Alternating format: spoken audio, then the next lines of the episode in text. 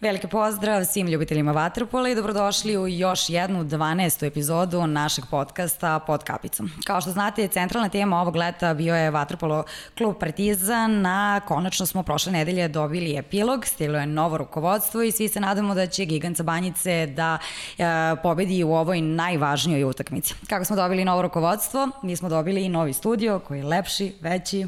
Da, stvarno sjajan studio, odličan ambijent i eto imamo to neko premjerno, kažem, iskustvo u novom studiju sa nekim ko je sada rukovodilac u Partizanu, pa nadam se da će Partizan imati neki, neki boljitak iz cele priče. Da to je, to je valjda ideje promene, da, a naravno da bi da je to u interesu Vatepolo pre svega da, da Partizan ovaj, zakorači ponovo na te, kao što si rekla, staze stare slave. Naš gost je definitivno neko ko će pričati o aktualnim temama, već smo ga najavili na našim Instagram profilima i stiglo je puno poruka i pitanja. On je nekadašnji golman reprezentacije Partizana, sada novi direktor Crno-Belih, sa nama Nikola Kuljača. Nikola, prvo da ti čestitam na novoj ulozi. Hvala, nema na čemu. A onda i da ti, da ti pitam kako ti se sviđa ovde kod nas i za nas dvoje ovo je potpuno novo okruženje. E pa eto, onda smo svi krenuli od početka. Od početka. O, lepo, super, super. Na prvi put i ovaj, radimo ako nešto, tako da super. E, ja ću isto da ti se, da ti se zahvali na izvojenom vremenu. Znam da si stigao direktno iz kancelarije, pa ajde oni najsvežniji utisci. Kako je prošao današnji dan baš? E, ja prvo moram da se izvinim. Ovaj, ja zakasnio sam, ovaj, da, da, da svi znaju. Do, a nisi to ne volim, to, a to ne volim, tako da ovaj, se izvinjavam.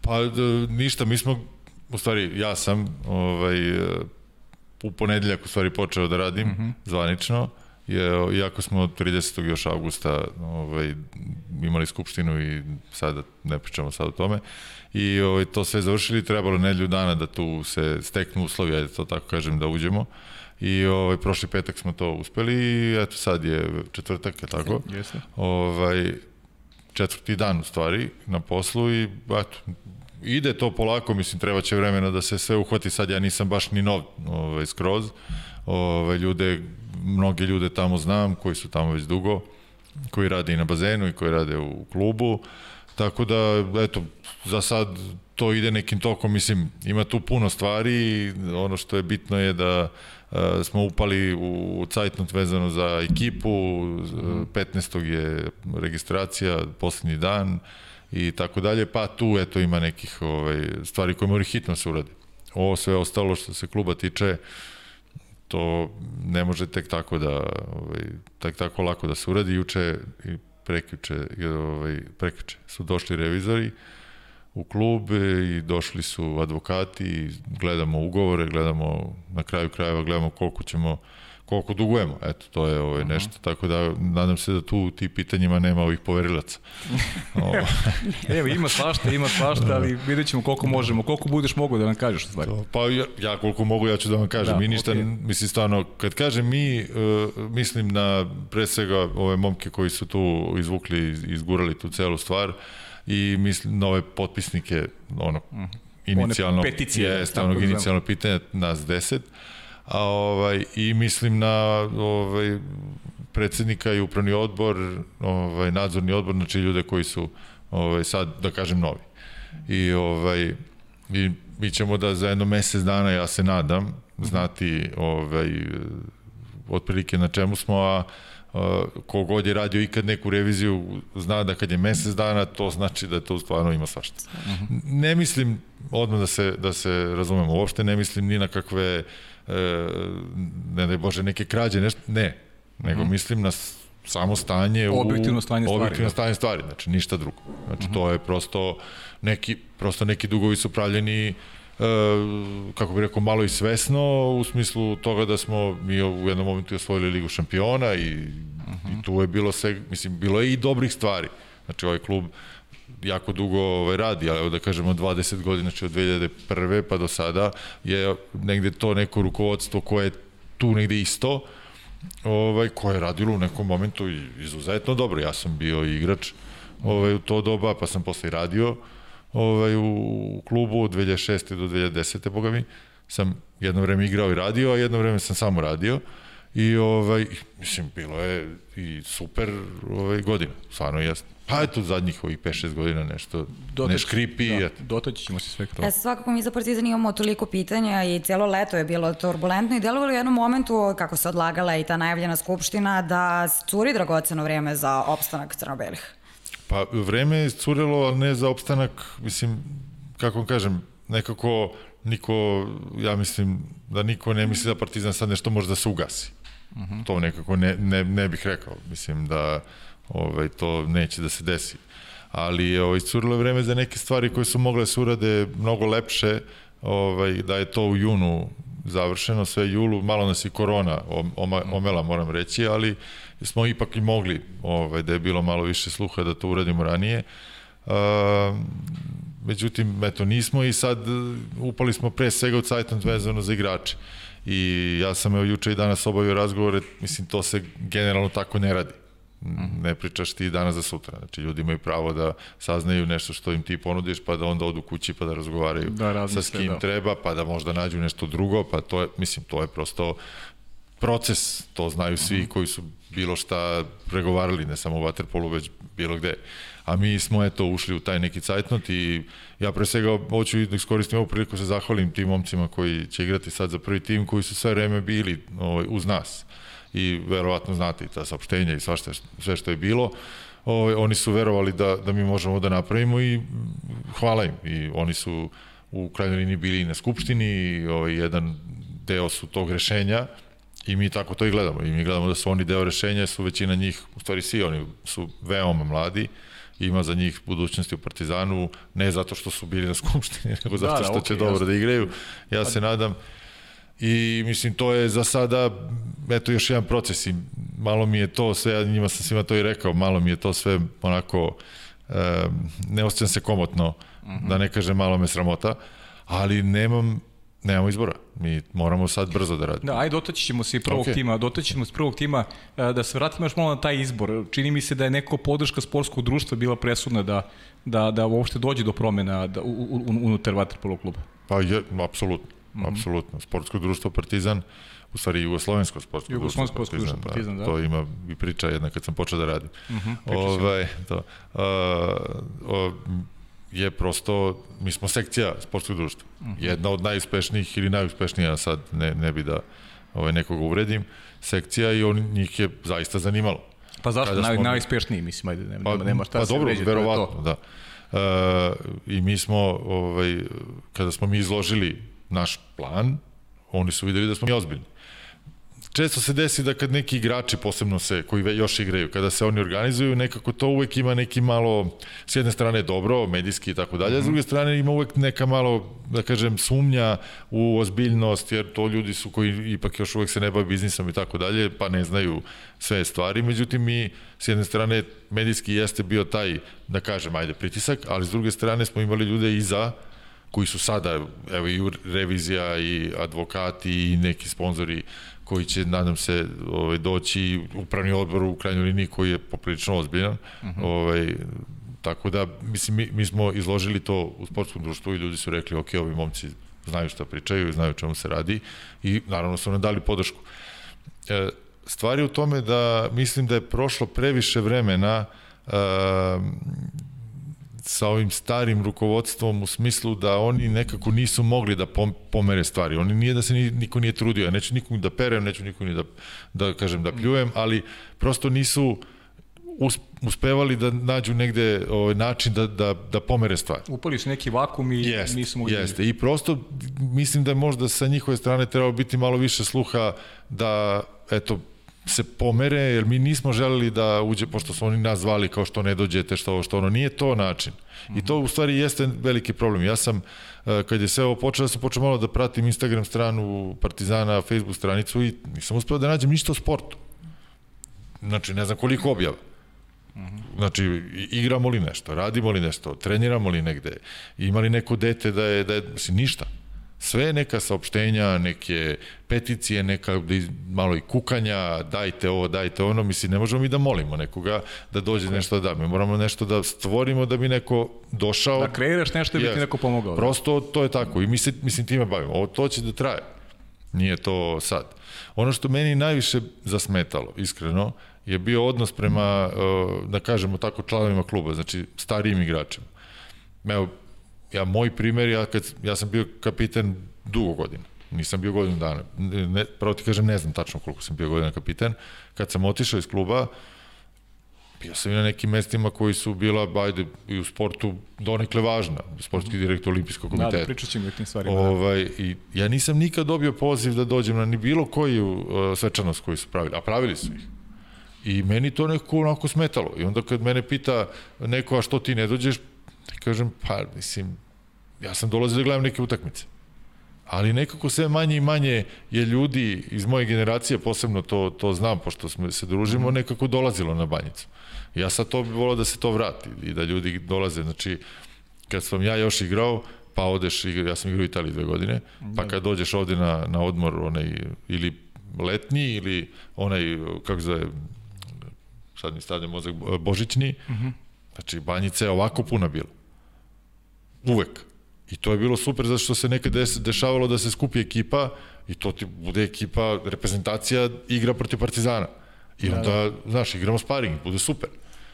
To nikoga nije bilo tamo, to niko nije dolazi jedno vreme te, ne znam, 25. maj, te 11. april, te vamo nam Izgubila super. se ta identifikacija yes. igrača. Pa brand. Brand, da, brand, brand bukvalno brand. Bukvalno da. brand. Znači, mi moramo vratimo brand. To, a to u današnje vreme nije lako. Nije lako. Esa, kada pričamo baš o tom vraćanju, možda je najbolje da na početku podsjetimo gledalce ko stoji za ovog projekta i da predstavimo negde ljudi koji su izabrani. Uh, ok, o, mislim, o, predsednik kluba je o, Jovan Lazarević, on je čovjek privrednik, ali je o, takođe igrao vaterpolo, jedno vreme igrao je u, u Beogradu i o, posle toga je igrao i u Americi i on je ono, američki, američki džak, radio je dugo u inostranstvu, 2009. 10. je došao u Srbiju, počeo se baviti biznisom i on je mhm. dodat, ali nije on došao iz biznisa kod nas, nego iz te priče naše. Uh mhm. -huh. Ove, što se tiče ovih e, članova upravnog odbora, imam, imamo... da, ima ih. Znači ja imam tu ovaj Filip uh, kako se zove Mića Aleksić i nije Boban Nije Boba, ne ne Boba je u nadzornom odboru. A nadzornom pa dobro, da. pa dobro kao dobro, mislim vidi, pa to ono nadzire mora, mora da nadzire da, to, jest, da, da. Jest to. Ovaj znači Filip Filipović i, i ovaj Stefan Mitrović i Mića Aleksić su u upravnom odboru gde u principu čak mi nismo to ni nije to bio neki da kažem cilj uopšte već e, da bismo napravili određeni upravni odbor koji ipak ima dovoljan broj članova da može da se glasa kako treba. Uh mhm. -huh. Mi možemo da imamo između 7 i 13 tako piše uh -huh, u mhm, statutu. Uh mhm. -huh. Ali mi smo rekli, ajde, ok, nećemo da imamo ni, ni baš 7, a nećemo da imamo ni baš 13, da bi ovaj, predsednik mogao da dovede još tu neke svoje ljude, koje on misli. Ovaj, e, I onda smo rekli, ok, ajde 9, da bude uh -huh. 9. I onda su njih dvojica, dvojica od trojice su još e, popunila ta dva, ta dva mesta od 7 do 9. Uh -huh. I tako da je to je tu zbog toga najviše urađeno, a i mislim oni ljudi zaslužili su jer stvarno smo imali onako mi smo stvarno puno radili na ovome, uopšte nije nije to bilo je lako, niti je bilo ovaj logistički ovaj, da se odradi tek tako, nisu bili ni tu, pa su onda dođu, pa onda sastanak, pa mi imamo te neke naše ove, interne WhatsApp grupe i tako dalje, pa stalno neki sastan, mislim, stalno smo mi nešto oko toga radili, pa sam onda ja zakačio bio koronu skoro ceo jul, pa nismo mogli da se viđamo i tako dalje. Što pa, nisam ni znao, da. Da, pa znači... ma nije ništa bilo strašno, ali. -huh. eto, imao sam. I, ovaj, I tu su još neki ljudi, aj sad ih ne, ovaj, ne pričam, onaj važan čovek u celoj priči je, uh, uh, kako se zove, gospodin Mitrović, uh mhm. -huh. to, on je ovaj, Stefanov otac, ali to uopšte nije važno, važno je da je on bio u Partizanu, da, bio kad je da. Partizan bio to što treba da bude. Uh mhm. -huh. I on zna čovjek sve te stvari i on je i, i uspešan je biznismen, privrednik, ali to je manje bitno, bitnije je ovo da je on čovjek koji zna o čemu se radi i on je ovaj kako se zove potpredsednik e, kluba. I tu imamo još ljudi koji su Luka Šaponić recimo isto vaterpolista. Da, da, da, da. Tako da ovaj eto, mislim još tu par njih, ajde sad ih ne, Ok, okay, ne ne imenujem, ovaj, znam, mislim, znam kako mi se zovu ljudi. Da, da, ne, sve, sve, sve, Nego, okej, sve da okej. je, ali ono da čisto kažem... da, da neko jezgro, eto, Da. čisto da upoznamo, Tu, da znači, upoznamo ti navijače ljudi- pre svega Jeste. to zanima. To da. su ljudi koji prosto su tu i, Mhm. ovaj, i oni su stvarno tu, je, ja se čujem na dnevnom nivou sa, sa mnogim od njih. Mhm. Tako da, što inače nije neki, ovaj, će pa ne, neće, dobro. Ovaj, e, nije, ne, ne radi se to tako često. E sad, ja bih se samo nadovezala koliko u ovom trenutku mogu da pomognu bivši asovi Partizana koji imaju svoje karijere daleko su Beograda i ne mogu aktivno da učestvuju, Pa, kada ih već e, pominjamo. Da. Pa oni mogu da pomognu sad, da kažem, savjetodavno posebno vezano za ove, e, za igrače i za taj sportski deo. Takođe mogu da pomognu time što se to stalno priča o tome, zbog njih se priča, ne priča se zbog mene. E, I ta vaterpolo škola naša koju mi hoćemo sada da napravimo da bude prava, čak imamo neku ideju da je potpuno odvojimo, ovaj, da kažem, ono, sistemski da je potpuno odvojimo od samog prvog tima, ovaj, ona je, eh, oni su ti koji u stvari to i prezentuju i oni su te ono, perjanice te škole.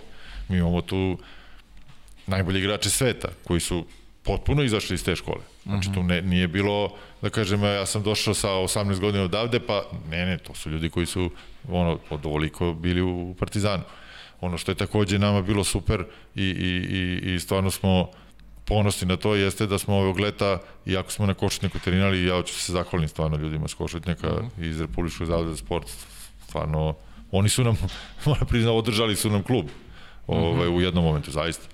Ali smo mi odande sa treninzima koji nisu bili adekvatni u smislu onoga što mi imamo na banjici, ovaj, ponovo ono, osvojili sve sve za mlađe kategorije, mislim da jednu, jednu samo nismo zlatnu medalju osvojili, a u ove poslednje, ovaj, poslednje prvenstvo koje je bilo, igrali su ovaj, Banjica protiv Partizana, znači Partizan protiv Partizana. Znači, i dalje smo mi najbolji i dalje su naši treneri najbolji i da je taj sistem koji mi imamo, koji pokušavamo da zadržimo je najbolji i prosto ono, to je nešto što nas odvaja.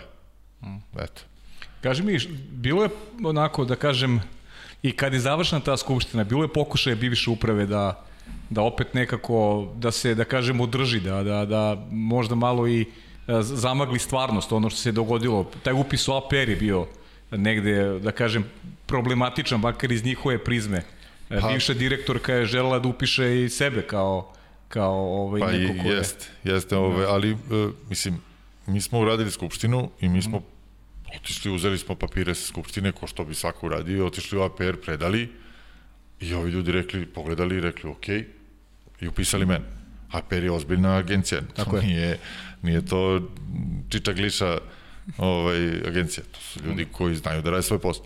I oni su nas upisali, samim tim smo, mislim, tu što se nas tiče završili priču. Imaš pravo da se žališ, apsolutno piše tamo da možeš da se žališ. Oni su se žalili i ovaj, e, gospođa Raka se umeđu vremenu udala, pa je promenila prezime, pa su onda probali su prvo to da urade, pa su onda održali neku a moram, e, izvinjavam se stvarno, ali jednu ovaj, Mickey Mouse skupštinu, uh -huh. ovaj, njih ovako su skupili ko mi što se sad skupili, sad održimo mi jednu skupštinu i onda su tu nešto isto probali da, da urade to, po tom pitanju, ali prosto e, mi smo uradili sve kako treba. Naš statut jeste katastrofa. Katastrofa. I mi ćemo, ušli smo već u proces da ga prilagodimo zakonu o sportu pre svega. E, Poslovnik u radu Skupštine iz 2002. Mislim, znaš, to je, ono, to nije normalno. I mislim, to su isto recimo neke stvari koje ne koštaju para. Da. Mislim, možda uradiš to, to nije, ne da možeš, nego moraš. I, o, i tako dalje, i tako dalje. Znači, imamo tu ovaj, posla i tog legalnog posla da uradimo, ali to je nešto što ide, eto, to nije, nije problem, to ljudi koji se time bave rade već. I, ovaj, I onda smo, ali sve vreme mi pokušavamo da napravimo u stvari e, e, znači od te skupštine, u stvari od upisa u APR, da budemo, ovaj, da budem precizan, do tog petka prošlog mi pokušavamo u pregovorima da napravimo stvar da bude kako treba i da ne, da ne bude nikakve, ne daj Bože, sile ničega i na kraju smo i uspeli. U tome mi smo u petak u 15.8 ujutru došli u klub, a završena je cela epopeja u pola jedan ujutru u subotu. Znači, mm -hmm. i mi smo sve vreme bili potpuno okej i radili, da kažem, u, u, u pravcu toga da mi ovaj, uđemo u posjede, tako da nazovemo, i eto, sad smo ušli i eto, radimo sad, to je, da. to je sad to. E sad ono što je takođe problem, prije vašeg dolaska mnogo dece napustilo banjicu i roditelji su protestovali i tražili smenu uprave. Koliko je dece danas upisano u školu u Vatrpolo klubu Partizan? Da, pa i mi smo uh, bili spali na 70 dece u jednom momentu i to je stvarno, mislim, strašno. I u stvari to i jeste bio prvi alarm. I Miloš Korolija, koji je sad prvi trener, da, jeste, on je ovaj, on je bukvalno digao signal tu, ono, crvenu zastavicu pre jedno šest meseci i rekao, ljudi, mislim, džaba nama to prvi tim, ovo mi nemamo, ni, nemamo decu. Nama deca vuku dosta toga. M vuku... Pa kroz ovaj, istoriju Partizana su pa da, Partizanova a, a, Znaš, tu ima, ima tu puno stvari, znači imaš uh, kako se zove prvo trenere, Tako je. Znači, koliko ti trenera treba? Ako imaš 70 deca, treba ti dva. Mislim, lupam, ali ne mm. treba ti toliko trenera. Znači, nemaš ni trenersku školu. Uh, ako imaš malo dece, nemaš ni novac, jer mislim, mi, mi smo Članarine. i komercijalna, da. da kažem i firma, ajde da tako nazovem, znači komercijalni objekat, znači nemaš uh, novca da platiš trenere. Uh, ne postoji ni ovaj kvantitet, znači da nemaš negde ni kvalitet. S tim što smo mi, ovaj, mene to malo iznenađuje, znači iz tog, uh, uh, da kažem, taj kvant, kvantitet, to je tih 70 dece, to je najbolje što je bilo u Partizanu, oni su svi ostali. Oni niko nije otišao. I to su ovi momci koji su osvajali ove sve letos ovaj, e, medalje. Banjica recimo, evo ja sam recimo priliku da gledam u Šapcu ovaj sad juniori što je Korolija što je vodio Banjica mm -hmm. što je osvojila. Da. Pa je posljedno da je to neka i okosnica nekog budućeg prvog tima, preposljedno ti momci. Da, pa ja već, ja sam pre jednom, otko znam, ima jednu godinu, dve, ja tako sa Dejanom Savićem sednem, uh mhm. -huh. ono, pričamo tako, mi smo kumovi, pa eto, pričamo svašta nešto i onda uvek ja pitam kako je, šta je to zanima me. I on mi je baš pomenuo te, te momke ovaj, iz Partizana i ne samo iz Partizana, ali to 2004. 5. godište i možda još par njih iz 2003. da je to Los Angeles ovaj, olimpijske igre u Los Angeles, da je to ta ekipa uh -huh. koja bi tamo trebala da igra, možda i neka, neko upadne i u ranije. Ovaj, tako da je to, u stvari, to jeste to. Ja sam išao u, u, ovaj, u Valjevo, gledao sam uh -huh, to, tu utakmicu finala, kad smo igrali s Novim Beogradom. Naše, to je bilo naše manje više 2004. Uh -huh. Treće i četvrto protiv 2002 za koje turnir je bio za 2002. Uh -huh. i, ovaj, i mi smo stvarno dominirali. To je bilo onako kao u, u, u da kaže, ajde da kažem u moje vreme. Znači, mi smo isto bili dosta dominantni u tim kategorijama, a to već nije ono, e, to su već e, generacije gde bi trebalo da postoji određeni malo veći rivalitet. Neki igrači, mnogi igrači iz, iz Novog Beograda su u stvari naši igrači uh mhm. -huh. koji su otišli zato što prosto nisu mogli da, da izdrže ovaj, tu, tu ladnu vodu i sve. Mislim, nama bazen nije radio uopšte 8 meseci. Mislim, da. i sad, mislim, zamisli, to je stvarno nešto nevjerojatno. Mi smo, de, ono, ja sam dete sankcija. Da. Tad sam... I ja sam. Pa to, znači, mi smo, znači, ja sam počeo 87. da treniram, imao sam 12 godina, 91. kad su počele sankcije, šta sam ja imao? To je bio razvoj, znači, ja sam period najvećeg razvoja sportskog proveo pod sankcijama. Nikad bazen nije bio zatvoren. Bila je ladna voda, mi smo navikli da treniramo na 22, 23. Ovi sad ove nove generacije se žale kad je 24-7. Nama je 24-7 bilo... Top banja, banja. to nema šta, tu treniramo 3 sata, to sad, da znaš, kad je 24-7, to... Milina. Znači, ne, ne znam kako da ti objasnim. Znači, ja ne sjećam se, e, pošto su bili izmerili vodu sad, e, prvi dan bila je 26. Aha. I ja rekao, ja, ja moram skočiti sad. Da. Ja u životu nisam skočio na banjici u 26. Tebi je to bara, tebi je da. bara 26. Ne, ne, 26 na banjici. Znaš, to zna se uvek na banjici voda ladna. I da. to se znalo. I znalo se i, i kad sam ja igrao i posle toga i to je nekako sad već malo i kult banjice, znaš, da, da je da, voda ladna. ladna voda. Naravno, mi ćemo da se trudimo da ne bude. Mislim, nama to pravi problem s druge strane, ta škola plivanja koju mi želimo da imamo, ona prava, znaš, uh -huh. ono, pet godina, u tom nekom manjem, onom našem manjem bazenu, uh mhm. To ne može se radi ako voda nije 27. Da, da. Mislim, nije realno da će dete dođe, doće dva puta roditelj kad ga bude pipnuo posle, posebno tamo onom oktobar, novembar, decembar kad bude Jeste. hladno, mislim, ne, ne, nije normalno. Tako da nam to malo pravi problem, ali ovaj, ovaj veliki bazen 24-7 je bila danas, merili su, i mi smo uvijek imali taj toplomer, ovaj, koji je stojao kod uh, ovih iz kluba, uh -huh. i uvek taj bio štelovan, normalno, i uvek je voda bila 24-7, jako je bila 22. E sad, ovaj, mislim, to je tako, tako bilo. dobro. E, ja sam sad, kupili smo novi, ja sam rekao, ok, dao sam ga ovaj, trenerima, rekao sam, vidi, ajde da znamo tačno koliko je. Znači, nema laži, nema prevare. Ako je 22, 22, ako je 24, 7, 24, 7. Ono što smo uradili, ovaj, to je da smo dobili ovaj, dobili smo neuveravanje, nego smo već završili mazut za ovu grejnu sezonu. A, to je, to je, to je, to biće- je prava vest. Odmah da se razumemo, ovaj, da, budem potpuno jasan, neće biti 28, Da. neće, ali će biti voda u kojoj može bez problema se To je trenirati. bitno za roditelje koji da znaju Jeste. čisto za, za Jeste. najvažnije informacije, u stvari za decu koja treba dolaze tamo da Znači, ovo mogu slobodno da dođu, bit će voda kako treba. Odlično, to to je prava to. vest. E sad kaži mi ovo, e, barata se, špekuliše se javnost, e, svašta se piše, koliko je realno da je, da je taj dug Partizana 6,5 miliona evra, gde sam pročitao. Prosto mi je neverovatno da, da, da, da, da u Vaterpolu mogu da, sna, da mogu se napraviti takvi dugovi. Mislim, to je, stvarno mi je cifra, stvarno mi je cifra izuzetno velika. Koliko možeš da kažeš na tu temu? Koliko je to realno uopšte? Ne, ne mogu da ti kažem sad ništa, kažem ti revizori su ušli Da, da. i onda ćemo znati. Znači ja sad stvarno ne mogu čak ni da pogodim. Ja znam da je kad dođe račun za struju, ovaj, mi svi grebemo da, iz, da gasimo sve tamo po, po, ovaj, po hodnicima. po hodnicima, jer je račun za struju stravičan. Znači to nije normalno. Ovaj, ali to, mislim, to je račun za struju za ceo bazen i sve. ceo objekat, da. Jest. I ovaj, mislim, troškovi su veliki. Svako ko i ole se razume u te sportske objekte zna da su tu fiksni troškovi neverovatni. A takođe su i ovi ove variabilni troškovi veliki jer u principu što imaš više ljudi, troškovi su sve veći u stvari. Jasno. sad ti moraš da napraviš to dobro. Mislim, meni se čini, sad ovako, evo, posle ovih 4-5 dana, da samo dobrom organizacijom i o, o, ono sračunavanjem koliko u stvari šta košta. Znači koliko će da košta jedan sat e, građanstva na bazenu, tačno, uh -huh. znači struja, voda, grejanje, spasilac, ne znam, neka amortizacija, hemija, znači sve, sada ne nabrajam, ovaj, a znam sve, ovaj, da. i koliko to tačno košta po kupaču po satu će nama da donese već jedan bolj. Ja mislim da to nije urađeno.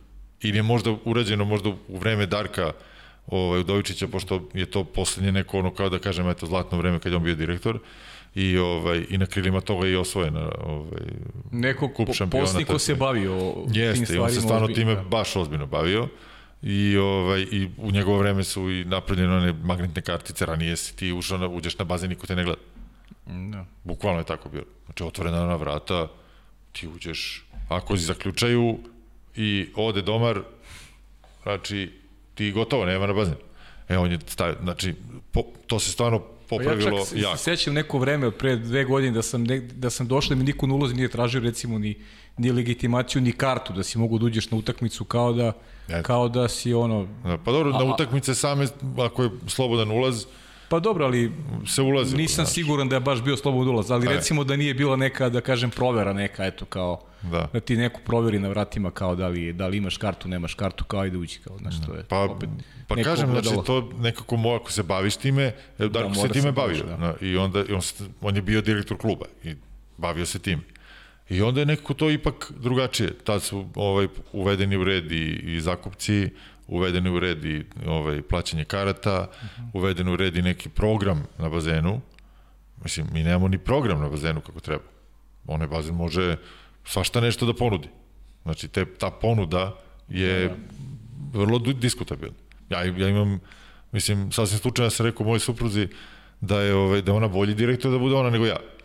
Jer ona se bavila našim ovaj, privatnim klubovima, imamo dva neka pilates kluba, i, ovaj, i ona sad to zna bolje nego ja. On, I ona, mi imamo nekoliko različitih programa. Da, neke dodatne aktivnosti na bazenu, Jeste. nešto što bi moglo da donese prihod klubu, da. Tako, mi imamo kod nas, kod malem našim, imamo četiri, pet nekih programa, nemamo samo jedan.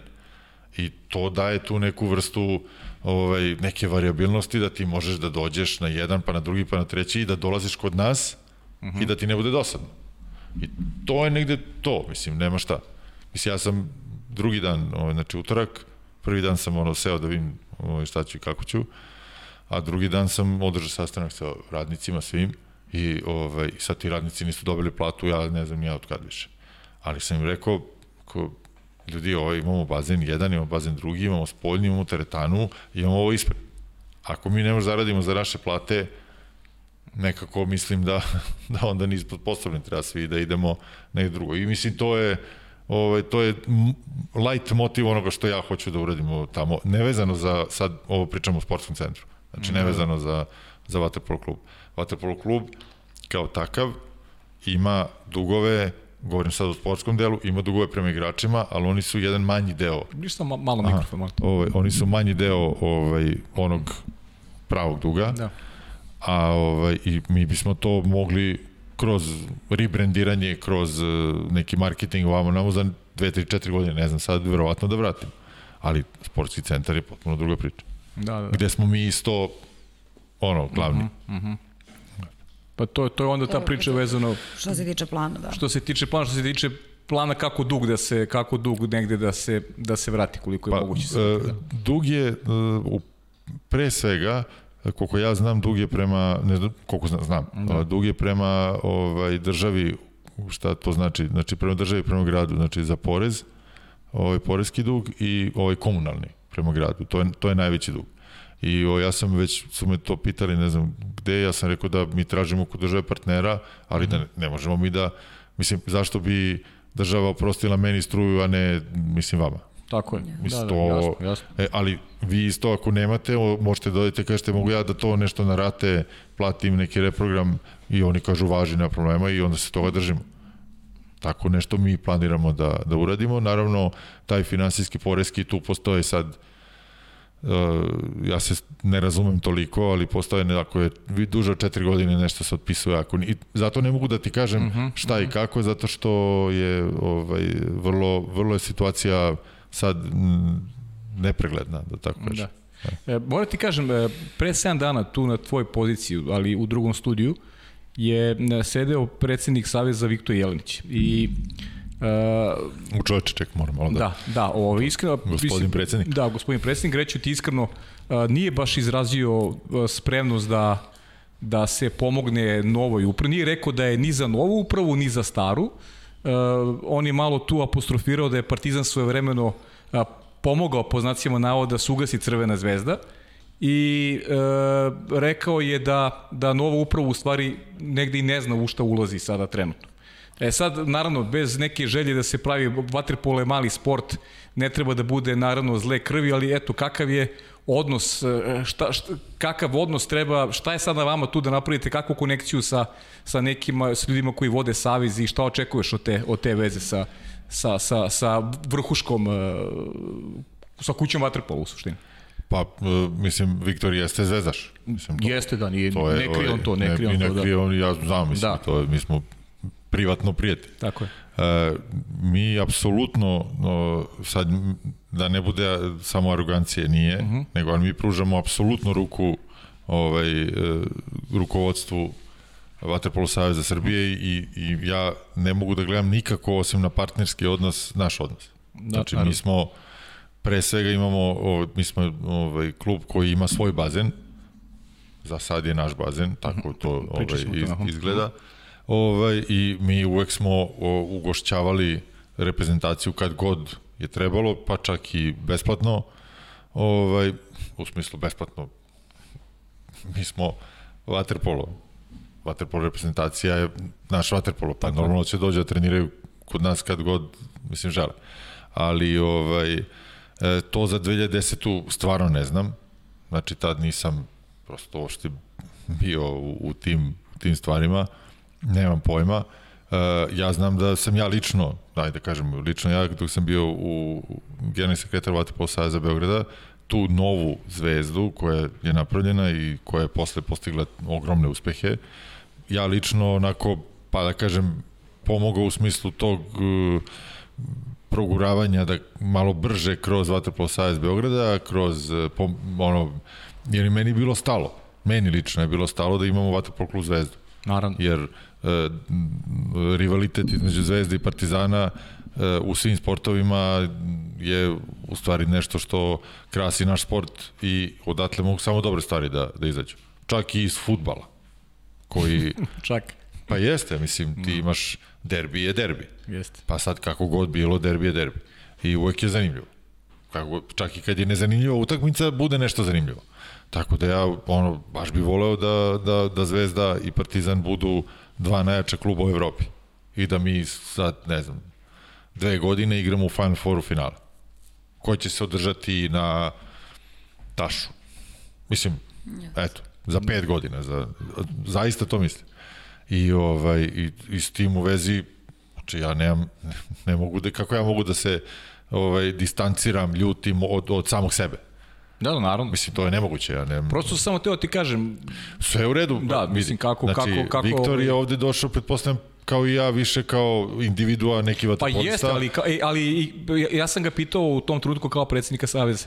Znaš, kao stav njegov kao predsjednika Saveza, Da. šta, kako gleda na potencijalne promene pa- u Partizanu koji su tada već bile izvesne, koji su se u suštini negdje dogodile već. Da, pa eto, mislim, ne, ja nemam tu komentar s te strane zato što prosto možda, možda ni on nije bio skroz načisto, nije lako biti predsednik Saveza i s tim u vezi nešto izjaviti. Da. Odmah te uvate za, za reč. I, ovaj, I s tim u vezi možda nije bio čovjek potpuno siguran da će to da, da. bude. Uh, koji, koji je to bio dan? Četvrtak? Prošli. Prošli, da. A pa ne, mi nismo još kakvi, ni, ni blizu bili. da. Ne, dobro je on rekao onda. Nisam ni ja bio siguran, da ti Dobro. kažem iskreno. Ove, pa, mi smo u petak e, došli. Ja jesam bio... Bitno znači, je da se napravi neka dobra konekcija, to je suština cele pa priče. nemamo to mi je, tu, kakvi nemamo mi tu nikakvu, ja jedva čekam samo da se malo iskobeljam iz ovih gluposti, uh Mhm. -huh. a stvarno ima tu raznih nekih gluposti, moram da priznam, koje meni odvode, odnose vreme, znači ja sad da se ja nešto ne, ne tu ne, ne hvalim, ali znači od petka tog, znači subota, nedelja, ponedljak, utorak, sreda, četvrtak je danas, uh, sad sam izašao zbog ovoga, a inače sam stalno do, de, do 8, pola 9 na, na, ovaj, na bazenu od 8 ujutru. Uh -huh. Jer prosto moram. Ja ne planiram da stvarno toliko radim, ovaj, nisam lenj, ali si stvarno imam da, porodicu, ali sad, znači ja sam sebi dao jedno tri meseca da znam da sam u, u paklu i da nema ono, i kući znaju, znači ne, nema me uopšte, oni su se stvarno Adresa organizovali Banjica. sami, adresa Banjica.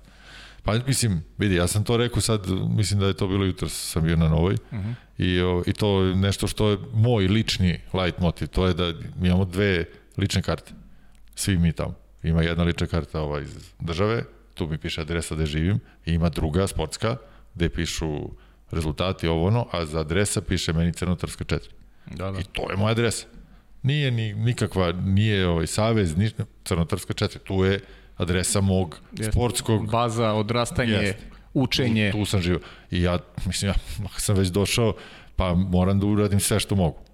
A najmanje što mogu je da tri meseca Pa uradiš vremena, da sačuvaš dom. Eto, drugi bukvalno, dom, da sačuvaš drugi da, dom. saista je tako, o, uopšte nije preterivanje. Mi smo Da, da, došli do, to, da. na, do ivice, znači padamo ili ne padamo. To, Jasno. za sad se tu držimo negde, ali Plutanje, plutanje. To. Ja mislim da je vrijeme da krenemo da pričamo o ambicijama crno-belih u tekućoj sezoni, ali samo ću ti pitati, s obzirom da si spomenuo baze na Banjici, Partizan je tu manje više imao vlasničku ulogu, ali godinama unazad traje sport sa, opštinom, sport sa opštinom Voždovac. E, da, e, mislim, to je krenulo sve da se dešava tamo neke 91. druge, ja sad tek ulazim u te papire. Uh -huh. e, 91. druge smo, su tadašnji ovaj, ljudi iz rukovodstva uspeli da dobiju taj bazen uh, u vlasništvu. Tako je barem rečeno. E, sad, ako odeš na katastar, vrlo je čudna situacija. Situacija je generalno čudna zato što e, imamo, e, znači imamo onaj e, sportski centar gde je o, hala i imamo sportski centar gde je bazen. I on je onako podeljen otprilike da je onaj onako, ko zna despot ovaj, ona kafana jedna koja je između da. e, između ovaj bazena i, i hale uh -huh. i tu je negde otprilike granica uh -huh. opštine tamo je opština Savski venac, ovamo je opština Voždovac. A mi pripadamo kao Savskom vencu, a oni pripadaju Voždovcu. Znači, potpuno je, opa, ogre, okrenuto je. Mm -hmm. E, i onda se sad tu, tu se, zašto, koliko je meni objašnjeno, zato što je Voždovac dao pare za uh, halu, a ovi su dali pare za bazen, a obrnuto je dato, ovaj, kako se zove, građanska dozvola. Ovi su morali da daju za ovi, mislim, Ma, malo je, komp, malo je komplikovano. komplikovano. Znači, baš onako. I tu, e, tu nastaje sad opet neki problem. Mi smo uspeli nešto. S kim, s kim mi sad pričamo? Da li sa onim koji je napravio bazen, parama, mm. ili sa onim čije zemljište?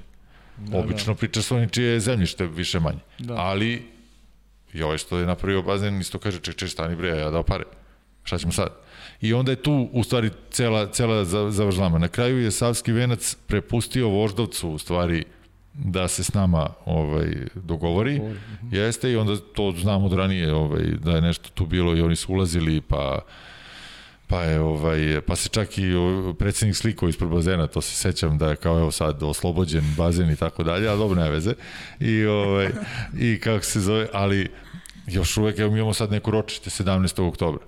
Mm -hmm. ja, ja nemam ja nemam iluziju šta, ja, šta bi mi voleli. Mi bismo voleli da to ostane naše. Naravno. E, s druge strane, e, nemam iluziju da je to teže. Mm -hmm. Nekoliko puta teže. O, ali opet, i s treće strane, nemam iluziju da e, Partizan može da bude Partizan bez toga. To je nama ono srce ovaj srce organizma. Mm -hmm. Taj taj bazen i da mi imamo toliko termina. E, ono što ljudi nekako stalno zaborave jeste da e, jeste da Partizan gazduje tu. Ok. I kao vi imate bazen, vama je lako. Pa nije nam lako zato što mi umesto da imamo od 7 do 12 građanstvo, gde će dolaze ljudi da, da plivaju, mi imamo od 7 do 9 građanstvo, a od 9 do 12 imamo Partizan. Pa onda od 12 ne znam opet ne znam šta, pa onda opet od 6 do 11 je Partizan. I nama niko za to ne plaća, grad je ovaj, svoje vremena još rekao da ko me bazen u vlasništvu, taj ne može da računa na novac termina. To je tako pravilo, mi smo se nekde borili, ja dok sam radio u Vatapol Savjezu Beograda, isto sam pokušavao da objasnim ovaj, tamo ljudima da, mislim, nije to, kako bih rekao, da tih nekih koliko miliona se dobija nije neka, ne znam kakva cifra, ali hvala i za to, mislim, mm. svakome. Ovaj, E, da to nama znači da, da, da, je to, da su to stvarno termini i da to nije nešto što mi sad ćemo da uzmemo stavimo u džep, nego to nešto što, ćemo, što smo mi i više od toga potrošili. Jer ovaj, drugi klubovi u Beogradu odu na taš, uzmu, ne znam, sat i po vremena, podnekom sedom i petkom prepodne i ne znam, dva sata svaki dan popodne, to upišu ovaj, tamo koliko imaju, ovaj, ispostavi se u gradu, grad plati do određene neke cifre i oni tako negde žive, uzmu članarine, članarine su im za ovaj, plate trenera, niko se iskreno na vaterpolo obogatio nije, mislim, tu nema, A, da, govorimo o klubovima, svi da. klubovi tavore, svi su u problemu, o, ali eto, mislim, to je to, znači mi jeste da imamo taj bazen, jeste da je to naša snaga, ali kao što vidite snaga vrlo lako pređe u, u, u ono suprotno i dođe do maltene propasti. Da. Nije nas, nije nas povuko na dno uh, Vaterpolo klub, nego sportski centar. To je uh mhm. -huh. suština. Uh mhm. -huh. A kaži mi sada i kada da, malo da se da se da se dohvatimo i tog uh, takmičarskog dela. Sad takva je situacija kakva jeste. Uh, E, pričao si o tome da za registraciju imate malo vremena do 15. u suštini. Da. Kakve su ambicije kluba? Možda nam kažeš, ili ima neko nešto novo, ili ima neko... E, Partizan će evidentno i kao, kao mnogo puta u istoriji, u neki prethodni 20 godina, dešavalo se Partizanu da maltene ceo prvi tim ode e, s tim što razlikom što je sada prvi tim, opet su ne, deca bila, pa sad dolaze neka deca koja su još mlađe. Da, I, deca te deca. Deca, bukvalno deca te dece, da. Da postoji neka opcija da se da se tu dogovori neki iskusni igrač koji bi možda mogao da tu decu negde onako drži malo na okupu i da im da im pomogne u ovoj takmičarskoj godini koja će svakako biti teška. Mislim, Partizan nema, verujem, e, u konkurenciji Radničkog Šapca, Crvene zvezde i Novog Beograda nema e, neke velike ambicije, ali svakako je bitno predstaviti se na što bolji način. Pa ovde pre svega svi igrači ti koji treba da ovaj, da to, da kažem, negdje odgovore. Znači, mi nemamo sad izbora starih igrača, mislim, nema. Nema, da. Znači, nismo u poziciji da to uopšte ovaj, da, razmišljamo. da razmišljamo na taj način i tu sad evo danas smo završili te neke razgovore i imat ćemo ekipu koja će biti dobra po meni. Ali to će biti neki, ovaj, neki od reprezentativaca ovim juniorskim konkurencijama, bit će neki igrači iz ovaj, pogona Banjice koji su zaslužili da budu tu i, ovaj, i u principu mi radimo onako slično onome što Uglavnom, smo To, to su sve radili. momci iz škole, iz Jest, već Partizanove jest, škole. Nema jest. nikog sa strane tu, nema. E, mislim da ne. Znači da je ove godine tako. Znači oni momci koji su igrali prošle godine i koji su ostali, Koji su ostali, da. ovaj, tu, plus ti igrači sa Banjice, to je otprilike to. Uh -huh. I, ovaj, I ja sam njima i rekao, imali smo jedan sastanak zajednički kad smo ovaj, novog trenera uh, kad smo ga predstavljali, ja sam im rekao samo ukratko vrlo da ova godina bukvalno čistilište. Znači, mi planiramo da napravimo finansijsku uh, konsolidaciju kluba, znači moramo uvek da, da razdvojimo te dve stvari, znači finansijsku konsolidaciju kluba u roku od godinu dana, nadam se, i da sledeće godine već možemo da računamo, da možemo da razgovaramo sa nekim, sa njima na ozbiljniji način. Uh -huh. Evo, pre svega sa njima na ozbiljniji način. Jer ove godine je bilo ovako kako je bilo. Znači, sledeće godine ja planiram da već u martu, aprilu polako počnemo da razgovaramo o tome kakvi su planovi nas i njih za, za sledeću sezonu. Da, da. I tu pretpostavljam ako uspemo da napravimo tu finansijsku konsolidaciju kluba samog, e, ne verujem da će svi ostati. Uh -huh. Mislim, ja bih volao da, da, da ove godine se pokaže kao što se pokazivalo u, nekim ranim sezonama, ne znam, uh, mislim, ta sezona 2006-2007 kad sam se ja vratio, ovaj, kad smo na kraju igrali Final Four u Milanu, to je bilo isto, to su bili dobro igrači koji su ipak imali neko ime, ali i dalje igrači koji nisu bili ono što su bili posle dve, tri godine Andrija Prelinović i da sad ne nabrajam, nije važno, znači mm. koji su posle osvojili ovo svetsko prvenstvo 2009. u, u Rimu. A i to kad su otišli na svetsko prvenstvo, ja sam tad bio tim, tim menadžer, pa dobro znam ove te reprezentacije, oni su otišli tako što nije niko došao narodom da ih isprati i bilo Da. otprilike Poznata priča, da. ove, nemo se vraćate, mislim vratit ćete se prema što ste otišli. Pa su mm. na kraju bili pa onda Španci, pa Stefan se razboli i tako dalje, tako dalje. Bilo je stvarno ovaj, baš kritično. Ali to su momci ovi iz 2006. Mnogi od njih. I tada su oni bili, mislim, deca Dečaci, jeste. dečaci. A mi smo na kraju dobili po sili po i to onako bez problema smo ih izbacili u četvrtfinalu. Uh -huh. Tako da, znaš, mislim, par- Partizanovi de, deca umeju vrlo često da iznenade. Uh -huh. I prosto taj, to je neka, ne znam ja šta je to u tom bazenu. Ovaj, ja stalno, ozbiljno, Ima osim, neka- ima osim neka što je ladna neka voda, čudna. možda je to treba u stvari, možda treba da, Da, ovaj, svi voda. da, da imaju hladnu vodu, a ne toplu vodu. Evo recepta, sad smo zajedno. Eto, sad smo smislili Sad smo treba ga smislili. Tako, nemoj da me Počet ću, čuju. počet ću ovi da se, ostali. počet ću ja da se tučerim isključivo hladno vodu. To, to. Možda neki pelcer pređe i na mene. E, sad što se tiče trenera, spomenuo si Miloša Koroliju, ono što a, mnogi gledalci su pitali, bivša upravo je pre nekih 15-20 dana imenovala Igora Milanovića za trenera i ono što sve zanima šta je s njim imali opcije da on ostane u klubu. Uh, Igor i ja smo preključe imali ovaj razgovor i ovaj, obzirom da se nas dvojica znamo dobro i da imamo neki ovako dobar odnos, uh -huh. ovaj, za pet minuta smo se izdogovarali, on je shvatio da, jer, ajde da počnemo opet od početka, Uh, Ajde. nismo, uh, kad smo mi pravili plan, i što si me pitao za sportsko društvo, uh -huh. znači mi smo izašli sa celim planom u sportsko društvo. I to su, tamo sede vrlo ozbiljni ljudi, to, to su ljudi koji su u sportu 300 godina, mislim, kumulativno. Ovaj, I oni znaju ovaj, kako se to radi. Mislim, I onda smo mi izašli sa planom gde je takođe jedan od uh, bitnih činilaca bio Miloš Korolija kao prvi trener. A ne zato što je on naš drug, nego zato što je on vodio banjicu i potpuno je bilo logično da on preuzme ove te klince, jer jako je teško hendlovati ekipu koja uh, nije 100% zadovoljna sa svojim statusom u smislu novca. To je poprilično teško i to mora da uradi neko kome oni veruju. Da. I da, da taj neko može da im kaže ljudi, to je tako stvarno, jer igrači u principu, znaš, ne, ne veruju ti oni da ti nemaš novca. Čak i kad znaju da je ovako, da kažem, bula ko što jeste. Ovaj, to je dosta teško ovaj, hendlovati, a treba celu sezonu to da hendluješ. I mi smo onda zbog toga, naj, ne najviše zbog toga, zašto, i zato što je Miloš apsolutno zaslužio da, da, da dobije šansu, ja. mi smo to tako prezentovali. Znači, mi smo imali svog trenera i nama je to malo napravilo problem, ajde možemo tako da nazovemo Igora, koji je ogromno ime i u, i u trenerskoj i ima dve lige šampiona. Mislim, Dovoljno. Nije to, nije to tek tako. Da. Ovo je kao trener, govorim. Uh -huh. uh, i to je jeste napravilo neku, neki problem i u stvari više zbog toga što je to um, ljudi nisu razumeli sa šta se dešava.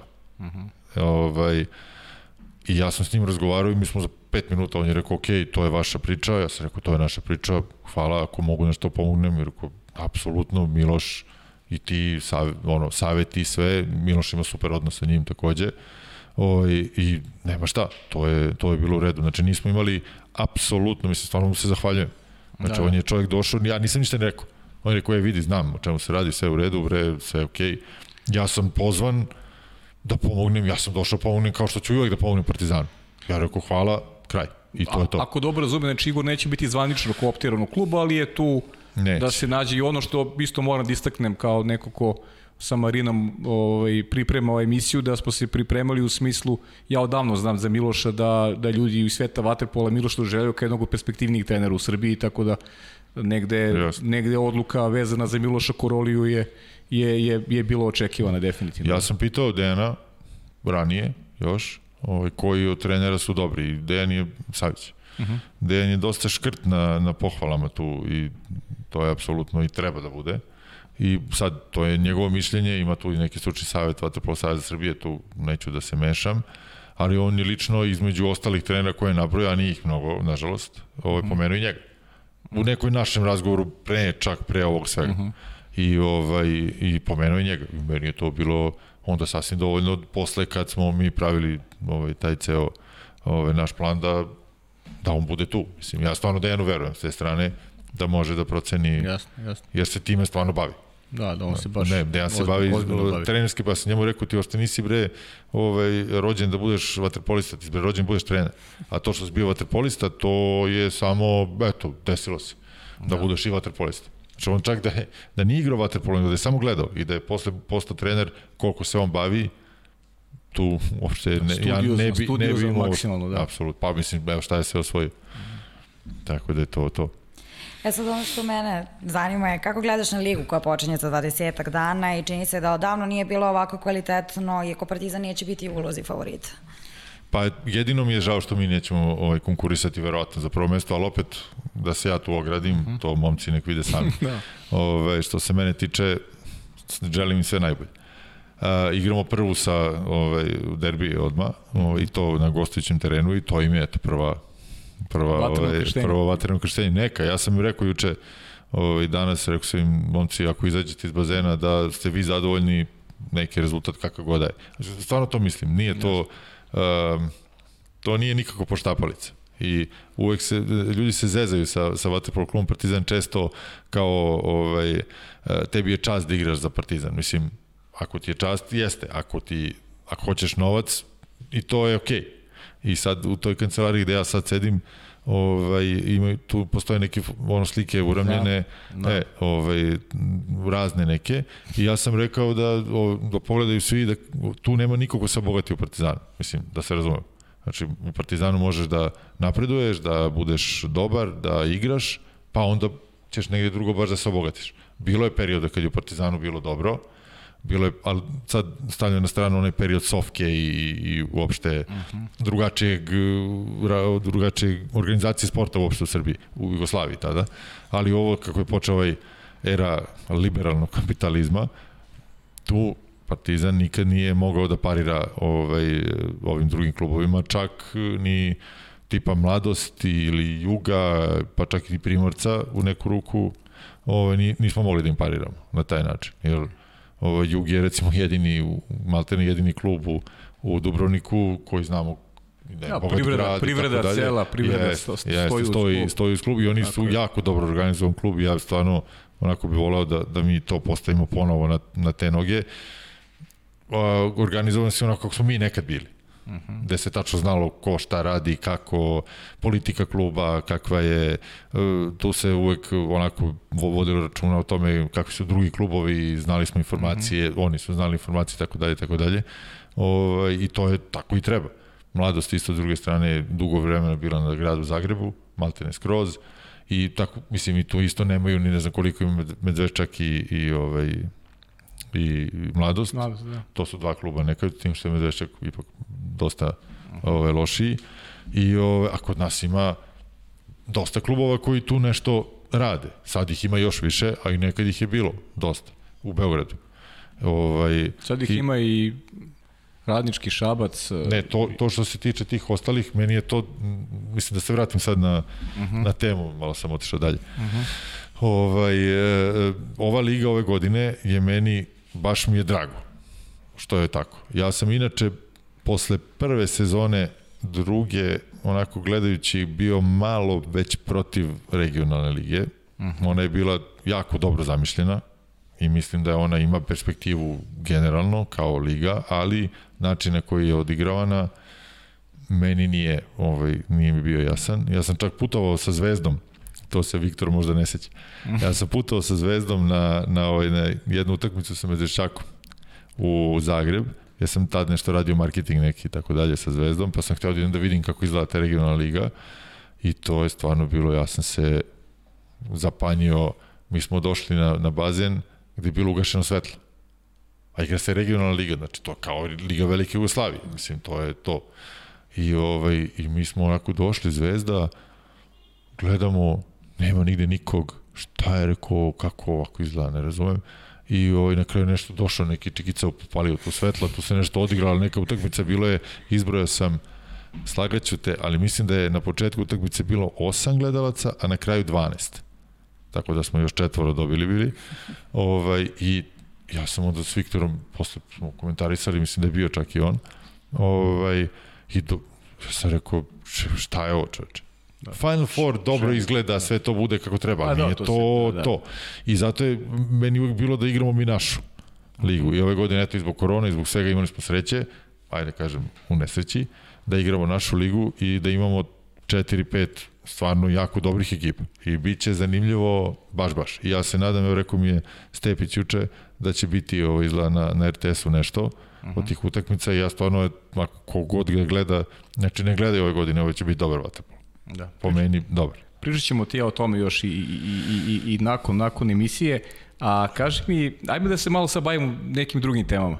Uh, pre neki dan kad smo se čuli, u stvari ima koliko, 5 dana, rekao si mi izvukli su te iz penzije. Uh, ajde za početak samo mi kaže to je penzija, si gledao reprezentaciju, kako, kako ti izgledaju ovi, ovi, ovi momci, ova reprezentacija, ova aktualna generacija koja je zaista Ma, ne, neverovatna. Ovi su, mislim, carevi, stvarno. Mislim, ja, ja sam ovaj, nekako sentimentalno i vezan za, uh -huh. za ovaj, njih. Više možda nego čak i za moju generaciju, to je druga priča. Tad sam ja bio deo igračkog kadra i ovaj, kad si deo igračkog kadra ti gledaš u principu tu taj tim i gledaš sebe u tom timu uh -huh. i gledaš da doprineseš kogod možeš. Ovaj, a kad sam se izvukao pa sam bio, da kažem, u tom management, managementskom ovaj, timu, ovaj, ipak sagledavaš malo to šire. Uh -huh. I ovaj, onda sam ja upoređivao sa ovim kad smo mi bili i ovaj, po te 2009. Znači ja sam ovaj, u stvari uh, ja sam počeo da radim kao, ne kao, počeo da radim u Partizanu, to je 2006. 7. Pa sam onda ovaj, radio, radio dok Dejan Udovičić koji je bio trener isto Partizana me pitao jel, da li bi ja da budem tim menadžer reprezentacije ja sam, ovaj, mislim, to je interesantno, recimo, da sam imao veću platu Partizanu nego što mi je on ponudio ovde. I ja sam rekao, važi, nema problema, hoću. I, ovaj, i znači, uopšte to nije bilo pitanje, jer sam mislio da su ovi momci zaslužili to. Ja sam njima već, mnogima bio kapiten u, u, u ovoj ekipi koju smo, ovaj, kad smo bili u Milanu i bili su mi i tada o, sam nekako smatrao da su oni pre svega sjajni momci i da tu imaju da, da treba da im se pomogne. Znači da, da, da, da, da budu to što mogu da budu. I na kraju mi je mnogo drago što su stvarno to sav svoj potencijal pa dva puta tako ovaj, ostvarili. Mm. Sad tu dobro, Nikić i, i Gocicu ovaj, izašli, ali, ovaj, ali recimo vidiš kako to lepo kad ovaj, te 2016. godine kad su oni ono, za, za novu godinu pravili taj Ispraćaj, ispraćaj oni su se svih setili. -huh. To apropo one priče A za one priče Partizan. za Partizan, da, E, da. Znači oni su svih setili i mene su lično zvali da dođem i da, ono, sed, mi smo sedeli tu u nekom tom kao počasnom delu, to je meni značilo, mislim, ja sad onako izgledam koja sam aktor, ali nije tome stvar, nego stvar je u tome da je to treba tako. I onda ja ovaj, sad to pokušavam da vidim da, da se to desi u Partizanu, znači da, da želim to da, da se ljudi sete onih koji su Baš lične njih dvojicu, s obzirom da Jest. imam čast da ih poznajem, stvarno su sjajni Je, dvojice. pa svi su oni, Da, stvarno, mislim... jeste cijela svi- generacija. Jeste.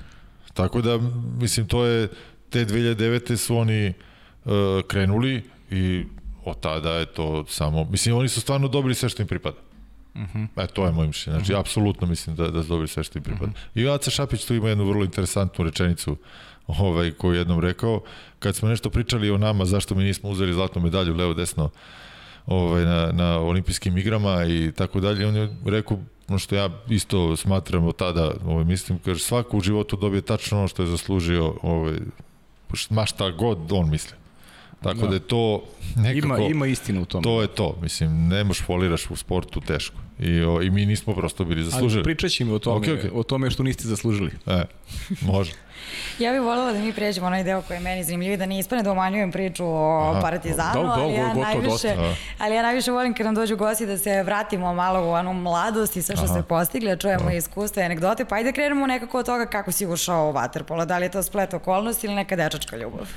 Uh, pa, I samo ti kažem, on je zvezdaš, da znaš. aha, pa provalio sam. Do. Da, sve vreme seče me, ne, ne mogu. Se- Ne, ne, ne- ne da se nastavimo iskaže. o Partizanu. Sad sam, evo, nema veze, to zvezdaši su agresivni. Agresivni je, agresivni, da. ovaj, pa, o, o, moj e, brat od tetke, koji živa u Kikindi, je bio waterpolo golman isto u Žaku.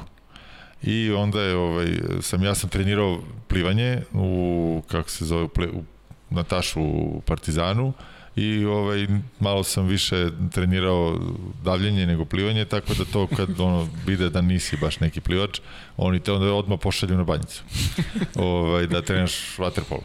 I ovaj, kako se zove, ništa, ja sam onda tu došao, ja u stvari nisam onda to hteo, pošto je meni bilo strašno da ovaj da ja kao neću uspeti u plivanju, a nisam provalio da ovaj da oni ono meni su rekli da kao ću plivam leđno. Ovaj onda su ovaj se ja provalio tek posle ovaj da to leđno plivaju ovi što se plaše da će, da će se udave ako plivaju mislim nešto drugo pa imaju kao glava im uvek iznad vode pa kao ovaj okej, ovo ćemo da vidimo kad se bude davio. I ovaj i nisam ja nikad bio neki plivač i tako dalje. I onda sam ja godinu dana nisam ništa kao trenirao i onda u 12. godini, u stvari čas, sećam se tačno, uh, 5. maja 87. Ovaj, sam ja došao na, ovaj, na banjicu, doveo me on, zato što je on uh, znao nekoga ko je znao Batu Orlića. Mhm. Neka ta priča, ne mogu sad tačno setiti, bio sam mali. Ovaj, I ništa, ja sam tu došao i rekli su mi idi tamo kao skini se i ja sam otišao na tribine i skinuo sam se i ovaj, to se sećam ko danas da je bilo. Nenad Manojlović sedi preko puta tamo, nekad eh, je drugačije bilo, sad kad uđete na banjicu, gde su tribine, tu su igrači. A nekad nije bilo tako, prvi tim je bio s druge strane tamo ili bilo koji ovaj tim. I sad to je možda, čak možda bila sreda veče, zato što o, sredom uveče prvi tim nema trening, e, pa onda ovi juniori mogu da igraju na, na velikom terenu. I Nena je sedeo tamo preko puta. I ja sam onda ovaj, e, rešio da ja sad tu njega impresioniram, nisam ja znao ko je to, vidio sam da je trener. I ja sam onda skočio u vodu sa ove strane tribina i šprint, kao sad ću ja, mislim, mogu zavisiti na što je to ličilo, ovaj, tamo da ga ja kao impresioniram, a on me ovako gleda, što je, posle ja njega upoznao, otprilike, nije mi lupio šamarčinu zato što vidio da sam neki novi, mogu vidio budal. Razumeš? I on, i, ovaj, i on, ja sam sad tu izašao, ono, znaš, sam zadihan, pošto sam, jel, otprio 20 metara sve snage, minut i po i ovaj, ih pitao me on, ono, on ima onak malo unke s glasa, ono, šta, šta ti je, ko si ti, znaš, no? i ja ovaj, kažem, neko, ja sam taj, taj, poslo me Bata Orlić, i ono, kaže, posle te Bata, kaže, marš bre u mali bazen, znaš, ovo tako nešto mi rekao, i ja sam ono stao, znaš, i tamo te kao nešto testiraju u tom malom bazenu, i meni je trener bio, no, ja sam otišao kod, kod čuvenog Makse, koji je, nažalost, Da, umro. da, skoro preminuo, Jeste, da. skoro preminuo, koji je bio fantastičan tip, on je, mislim, izvukao sve, ovo, sve što ima u, u Waterpolu, u, ovaj, u Partizanu je od njega krenulo. I, ovaj, mislim, ta neka generacija, mislim, Igorova, da je on bio prvi njima, ovaj, trener, kad su bili klinci. I, ovaj, I ništa, onda sam ja se njemu predstavio i on je isto tako ovako blag tip i super i on je rekao, da. dobro, ajde kao ti i normalno stavio me da plivam poslednji, a to je u malom tom bazenu se plivalo. I onda je ovaj, to se plivo, i to je otprilike toliko dece bilo, pošto su me stalno mi pitaju koliko je bilo dece ranije na bazenu, koliko je bilo dece ranije, ovaj, e, bilo je toliko da kad prvi krene i kad dođe na 50 metara, ima još jedno sedmorica koji čekaju da uopšte krenu. Toliko je bilo. Znači 50 metara, sad koliko je to, i svi plivaju ovako jedan drugom u, u noge, i znači kad prvi dođe na 50 metara, ovi još uvek ima ih jedno trojice četvorice koji još nisu ni krenuli. To je samo moja generacija bila. I o, ja sam bio poslednji i mene svi pitaju jesi ti golman. Ja, sad to je moj prvi trening. Sad dođem drugi trening, opet jesi ti golman. Jako, brate, nisam golman. Mislim, ja sam, ne znam šta sam, ja sam, on, nisam ni znao šta sam. A u stvari je fora u tome što su golmani plivali poslednji, pošto su se, jel, davili non stop. I, ove, i zbog toga. I, o, I onda smo imali uh, uh, nešto, nije neko bio, nemam pojma, uglavnom treći, recimo, trening smo igrali na tom kao velikom bazenu. A tad nije ovaj, bilo da, ovih kao manjih golova, većih golova, nego odmah ideš na veliki. I, ove, I ja znam da, sad oni to rade, to sad znam, ove, oni te i provere i kao golman. Znači ti igraš kao nešto malo, sad ja sam tu nešto igrao, sećam se da to nisam znao bre ko su moji, ko su, znači, katastrofa. Ali dobro, mislim, to je valjda normalno. Da. Igrali smo odmah na veliki, go- na veliki teren, uh -huh. a imali smo 12 godina, 13. Ja nisam još imao 13. Ovaj, I stavili me na gol. I sećam se da nisam primio ni jedan gol. To, to se baš sećam da, i, i da mi je tako strašno prijalo da- na golu, tako da ja u stvari nikad nisam bio igrač. Ja sam odmah, znači treći trening ili drugi čak možda je bio, odmah sam stao na gol. Ti si zbog davljenja i, i, i stice okolnosti. Yes, stice okolnosti, ali meni se mnogo dopalo. Da. Znači ja sam nekako, uvek sam bio tak, ja, i kad smo igrali recimo futbal, ja sam volao da branim. Kad igramo košarku, meni je bilo važnije da mi ne daju koš nego da ja dam koš. Da. Tak, takav mi je, ne znam, mentalni sklop. Čudna je priča vaš golman. Znaš šta mi Gojko rekao? Mrzalo me da plivam, zato sam postao golman. Pa ima toga, no, ali ja nisam čak ni to, ja nisam znao. Mislim, sve jedno, nisam znao da plivam. Me, da li me mrzelo ili nije, to je, ja, Da, da, to je da. plava daljina za mene bilo. Da, da. Ove, baš sam bio netalentovan. I, cel, I kroz celu moju karijeru me to, ovaj, ta, to plivanje mi je bilo baš teško. I ako Nene, recimo, golmani su plivali, to je bilo strašno. o, I on je pos, posebnim pijetetom imao, znači, ono, pik na nas, to, znači, kad nama ne dođe trener, ja znam da je to Gotovo. raspad sistema. Da. Ove, i, ni- I ništa, i sad smo mi tu nešto igrali i, i ove, e, ali sad ja nisam to znao, to sam saznao posle. Maksa je e, na difu, kad je diplomirao, njemu je diplomski bio o, ovaj, tehnika vaterpolo golmana. I on mene pošalje kod čuvenog Miška Stefanovića i kaže ti si tamo i valjda me gledao pa video nešto što nije video kod nekog drugog. Recimo ja sam sad, sad mala digresija ako mogu, Uh, kako smo bili sad na, košu, na Košnjaku gore, oni, mislim, mi nemamo u Partizanu trenera golmana.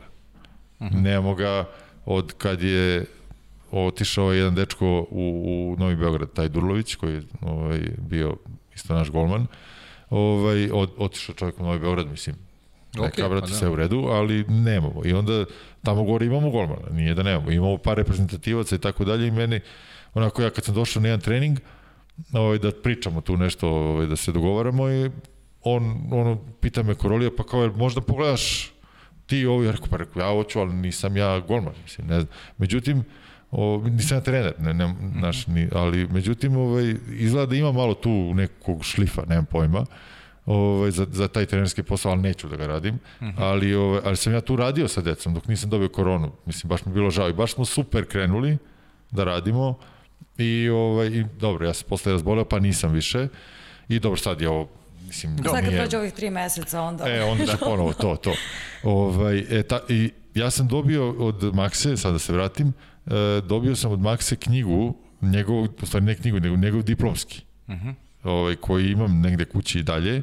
I ovaj, e, mislim ne taj, nego sam ja to kopirao normalno, uh -huh. nisam, nisam uzao taj njegov. I to je najbolja knjiga za golmane ikada.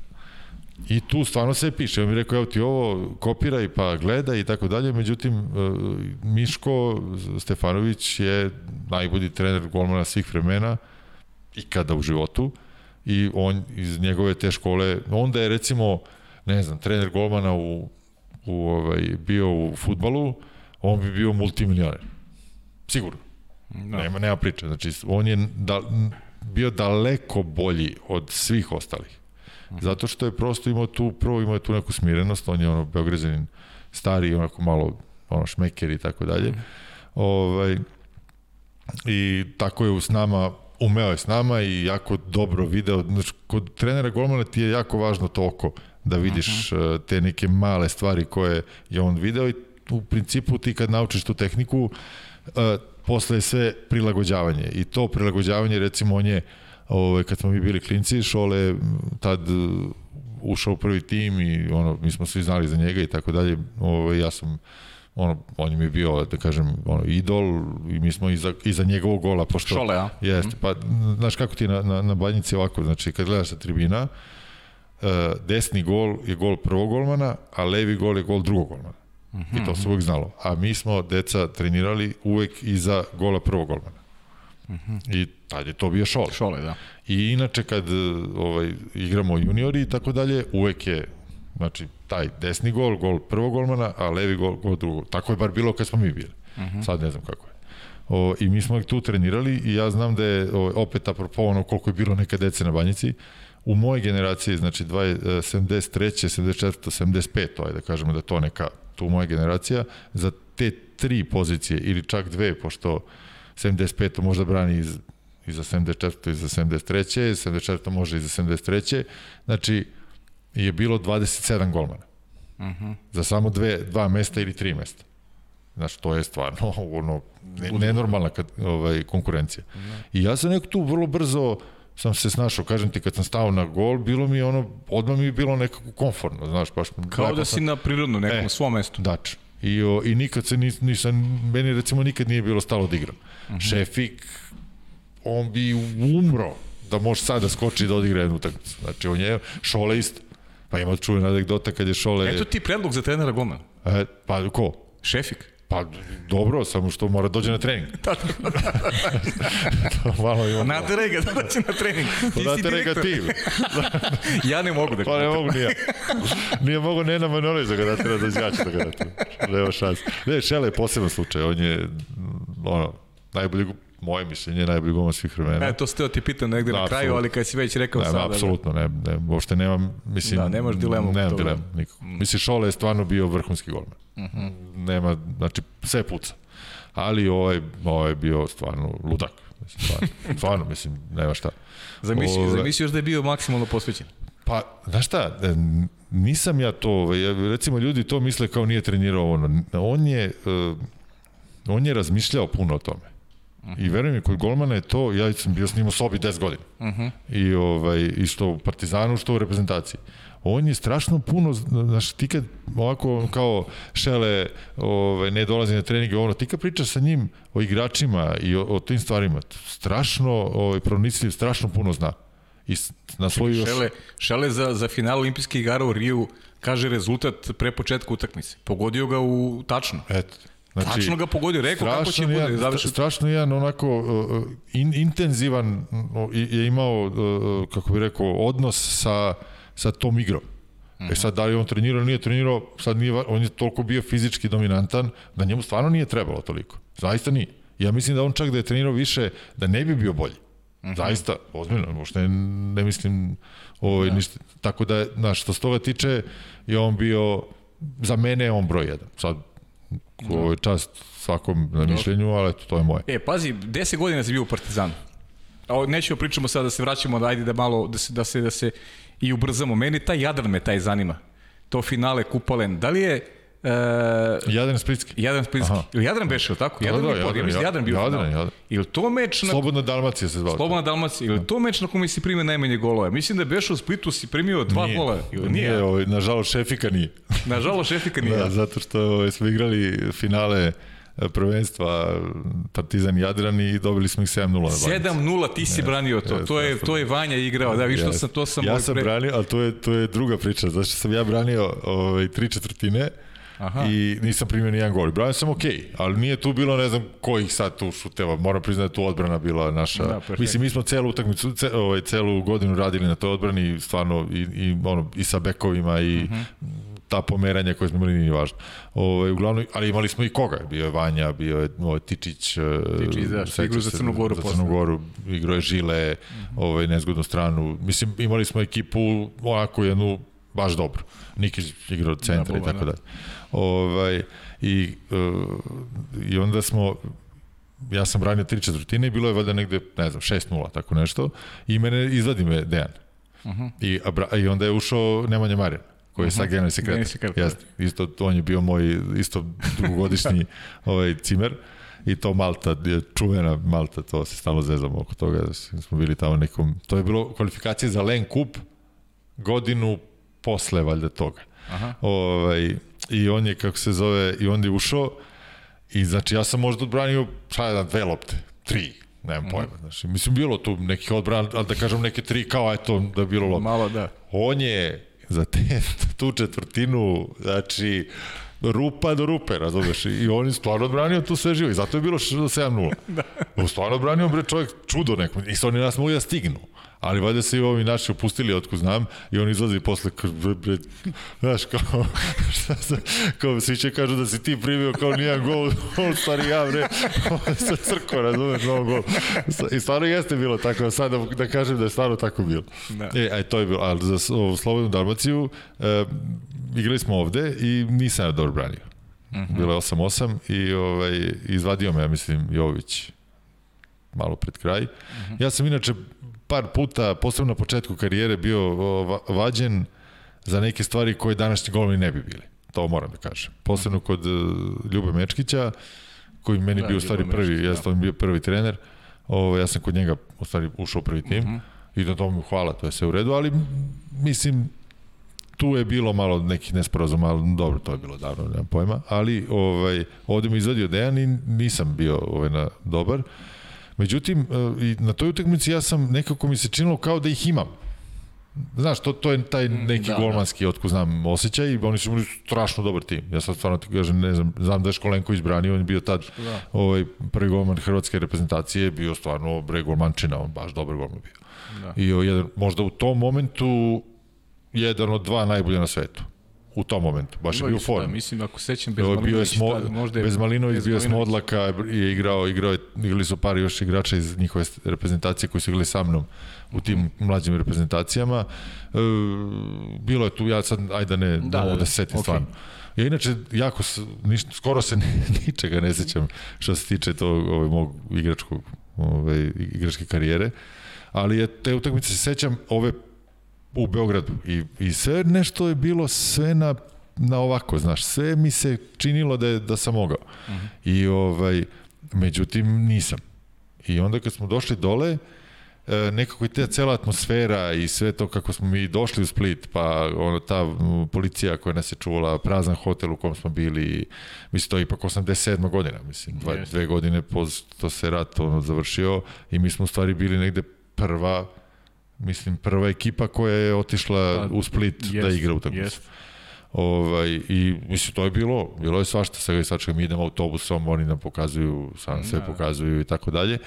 I bio je tu neki špalir, šta ja znam, nismo mi nigde išli i tako dalje iz hotela, ali je to eto tako neka atmosfera bila, ali meni je to prijelo zato što smo mogli da se, onako bili smo u tom jednom balonu i mogli smo da se skoncentrišemo i meni je uvek bilo strašno važno da se skoncentrišem.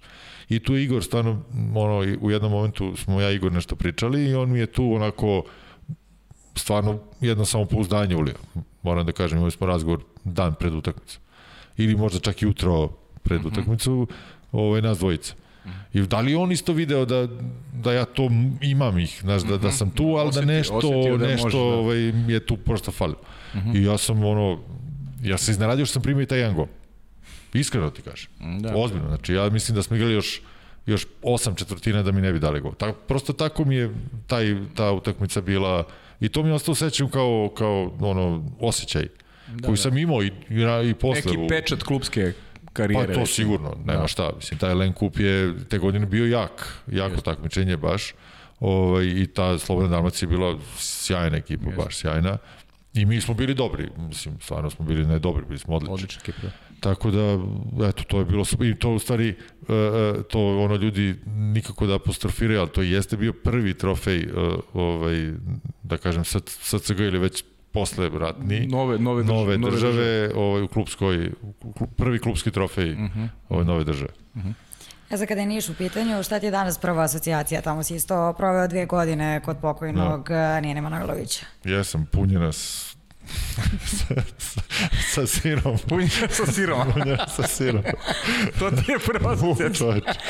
Što je bilo ovaj, katastrofa. Pa stvarno mislim. Ovaj, je, to je, Niš je ono, poseban grad. Moja žena je ovaj, ono, poreklom, da kažem, iz Niša. Aha. I, ovaj, i to su ono, posebni ljudi. Znači, tamo je stvarno fantastično, ne, nema šta. Ovaj, I, pa vidi, ja sam u Niš došao već kao, kažem, golman u reprezentaciji i tako dalje i tako dalje. I u principu, negde, znaš, to je, to je 2000 četvrta, četvrta, 2004. Četvrta, da. Da, tad sam ja već imao 30 godina. Znači, tri banke, nije to malo. Uh mhm. -huh. I, o, I tu je već trebalo nekako, kako bi te neko, da u neki mirniji tok neke moje karijere, da malo na iskustvo mogu da i branim i tako dalje i tako dalje.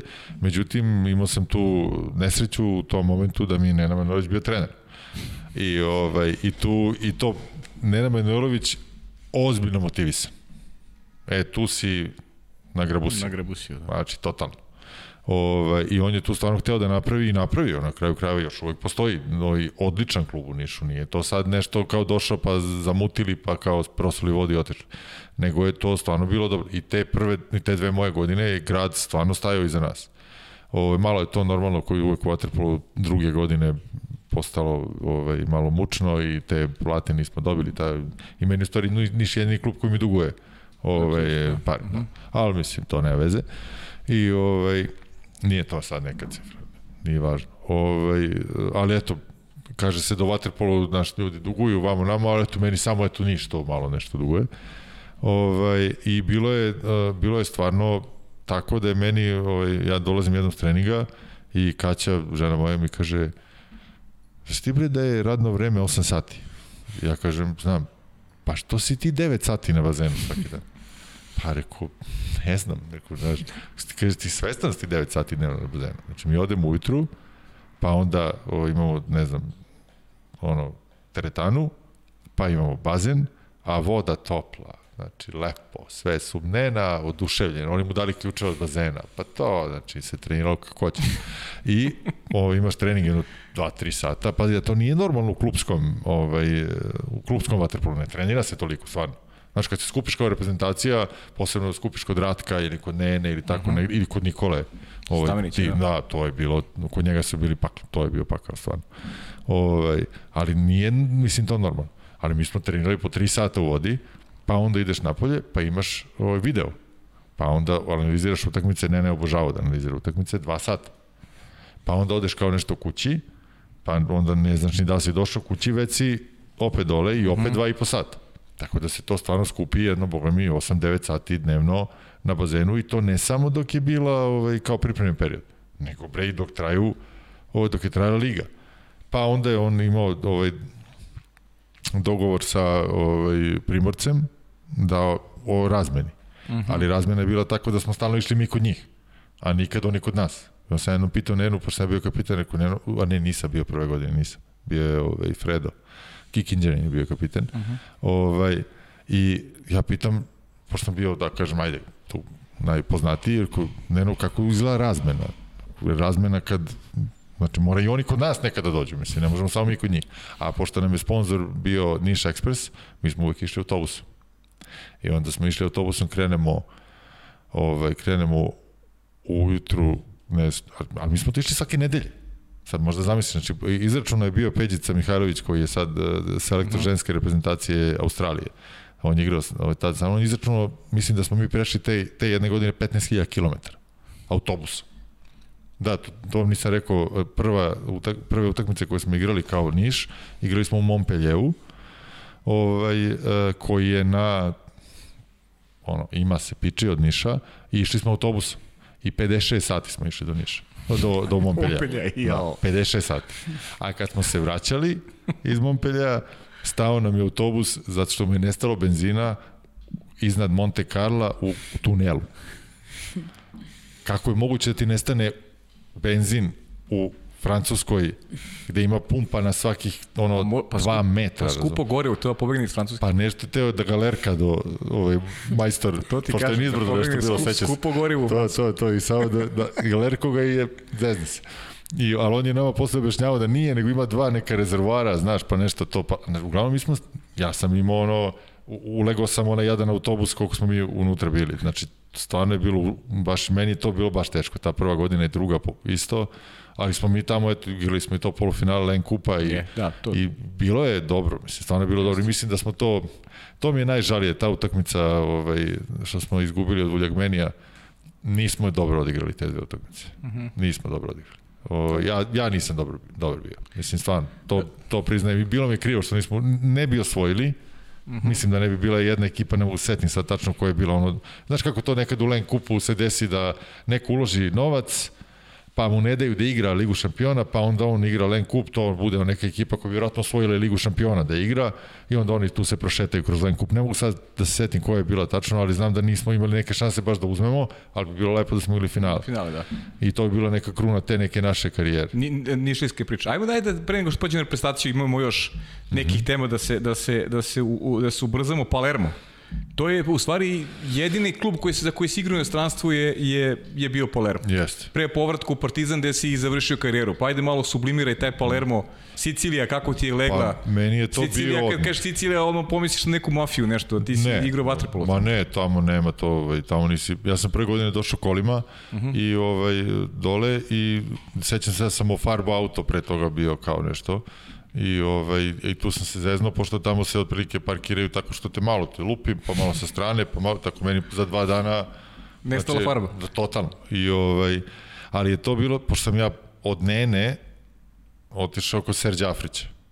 I sad Nena Manojlović je jedan trener, a Serđo Afrić kad bi sad gledao Nena Manojlovića, pa sve suprotno Aha. ti on. I on, mi smo trenirali ovako. Ponedeljkom nemaš, utorkom imaš ujutru i to je kao plivanje. To, ali sat vremena. Pa imaš utorkom uveče, sat vremena kao ono tek taktika, pa sredom ujutru nemaš, imaš samo uveče, pa četvrtkom imaš dva, ali petkom nemaš ništa pošto subotom igraš. Da, Znači, ja sam sa 9 sati puta 7, razumeš, puta 2. Autobusi 56 sati. 56 sati došao na ovo, brate, na, ne, jedva sam, Na odmor, ti ko na nisam odmor. mogao da zapamtim gde mi je bazen dve nedelje.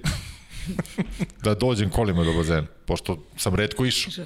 Da. Ovaj, i, o, I ja sam tamo, ja moram, mogu da kažem slobodno, znači to, ja sam leteo po onom golu. To je bilo, prvo, leteo sam iz dva razloga. Prvo što je duvalo na sve strane, pošto tamo se odbrana ne igra, a drugo, zato što sam stvarno se osjećao strava. Uh -huh. I ja sam na kraju te sezone ušao taj neki njihov to oni imaju uvek kao najbolje, najbolji, najbolji tim. tim. Da, ušao sam najbolji tim, iako smo mi jedva ostali u ligi.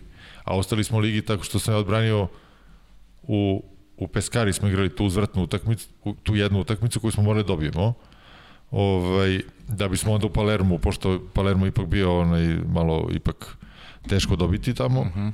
mislim za te ekipe. Ovaj, e, morali smo da dobijemo tamo da bi, da bi dobili kuće onda verovatno. Ja sam branio dva peterca da bi mogli da dobijemo utakmicu. I to se sećam da je baš bilo ono kao, u, kao super. Ja sam onda očekivao da će sledeće godine da ovaj, u Palermu nekako dobijem neki ugovor malo bolji i šta ja znam, međutim čuveni Serđo Šibilja je ovaj, tamo predsednik i to su mi rekli ovaj, Serđo Šibilja je uvek prvu utakmicu u sezone sedi na klupi i onda ga u prvom minutu prve utakmice izbace napolje i kazne ga za celu sezonu. I tako 10 sezona za redom, on je onako malo, znaš, da, nije a ne bi nikad rekao. Znači, da. čovjek se bavi nekom uvozom medicinske opreme, onako ima ono, naočare, onako neki normalan, nije, ne bi nikad rekao da neki, ono, znaš, nije istetoviran, mafiozan, ništa. Znači, normalan čovjek. I on kako svirne prvo nešto, on skoči ovaj, odmah, znači, ja mislim da je već izvadio bio crveni karton ovaj sudija, rokne mu ga i on on ide. I on je tako vodio tu ekipu malo po meni bez veze. Moglo je to mnogo bolje i da prođemo i sledeće godine. Mi smo ispali iz lige sledeće godine, jer je on otero, odme došao na prvi trening i bila onako ekipa, mogli smo se iščupamo, ali on došao na prvi trening, nešto mu se nije svidalo i, i otera pet igrača. I mi, nas sedam igramo.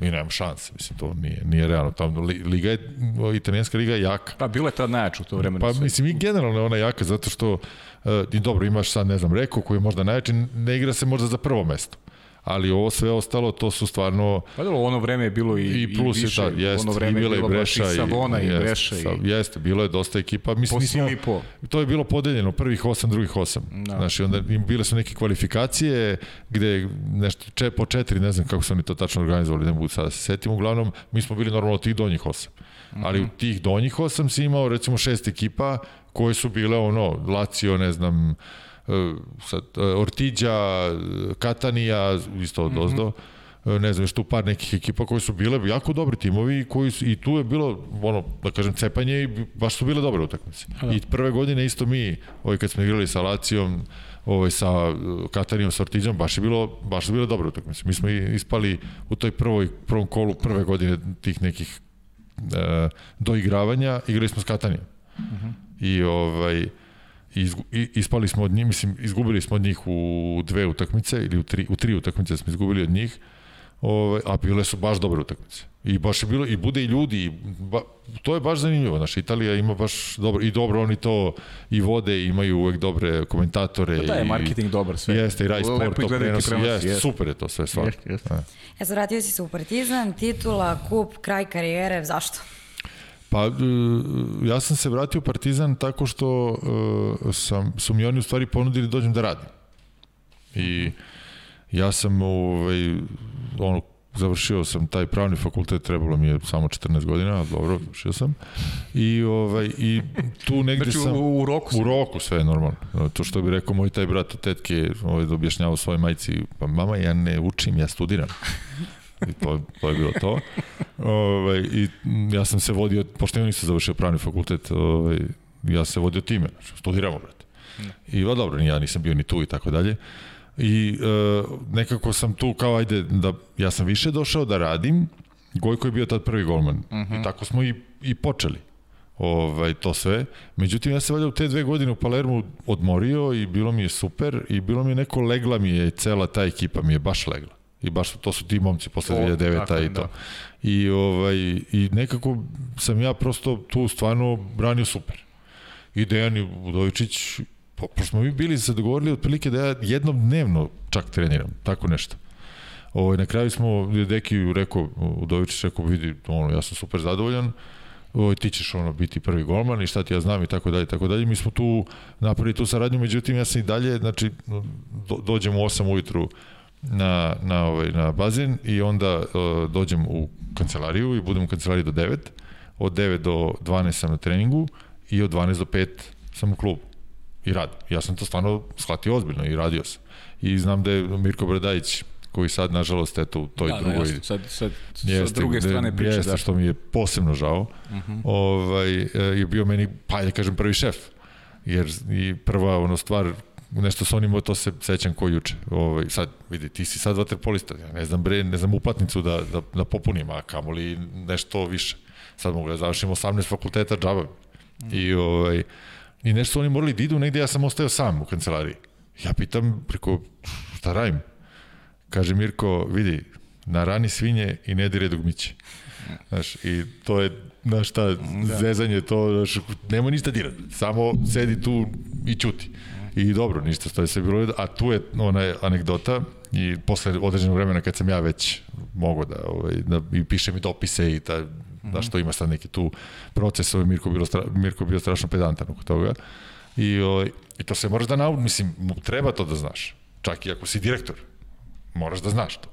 Ovaj, i ja nešto sam pisao neki dopis i treba se piše baš sportsko društvo.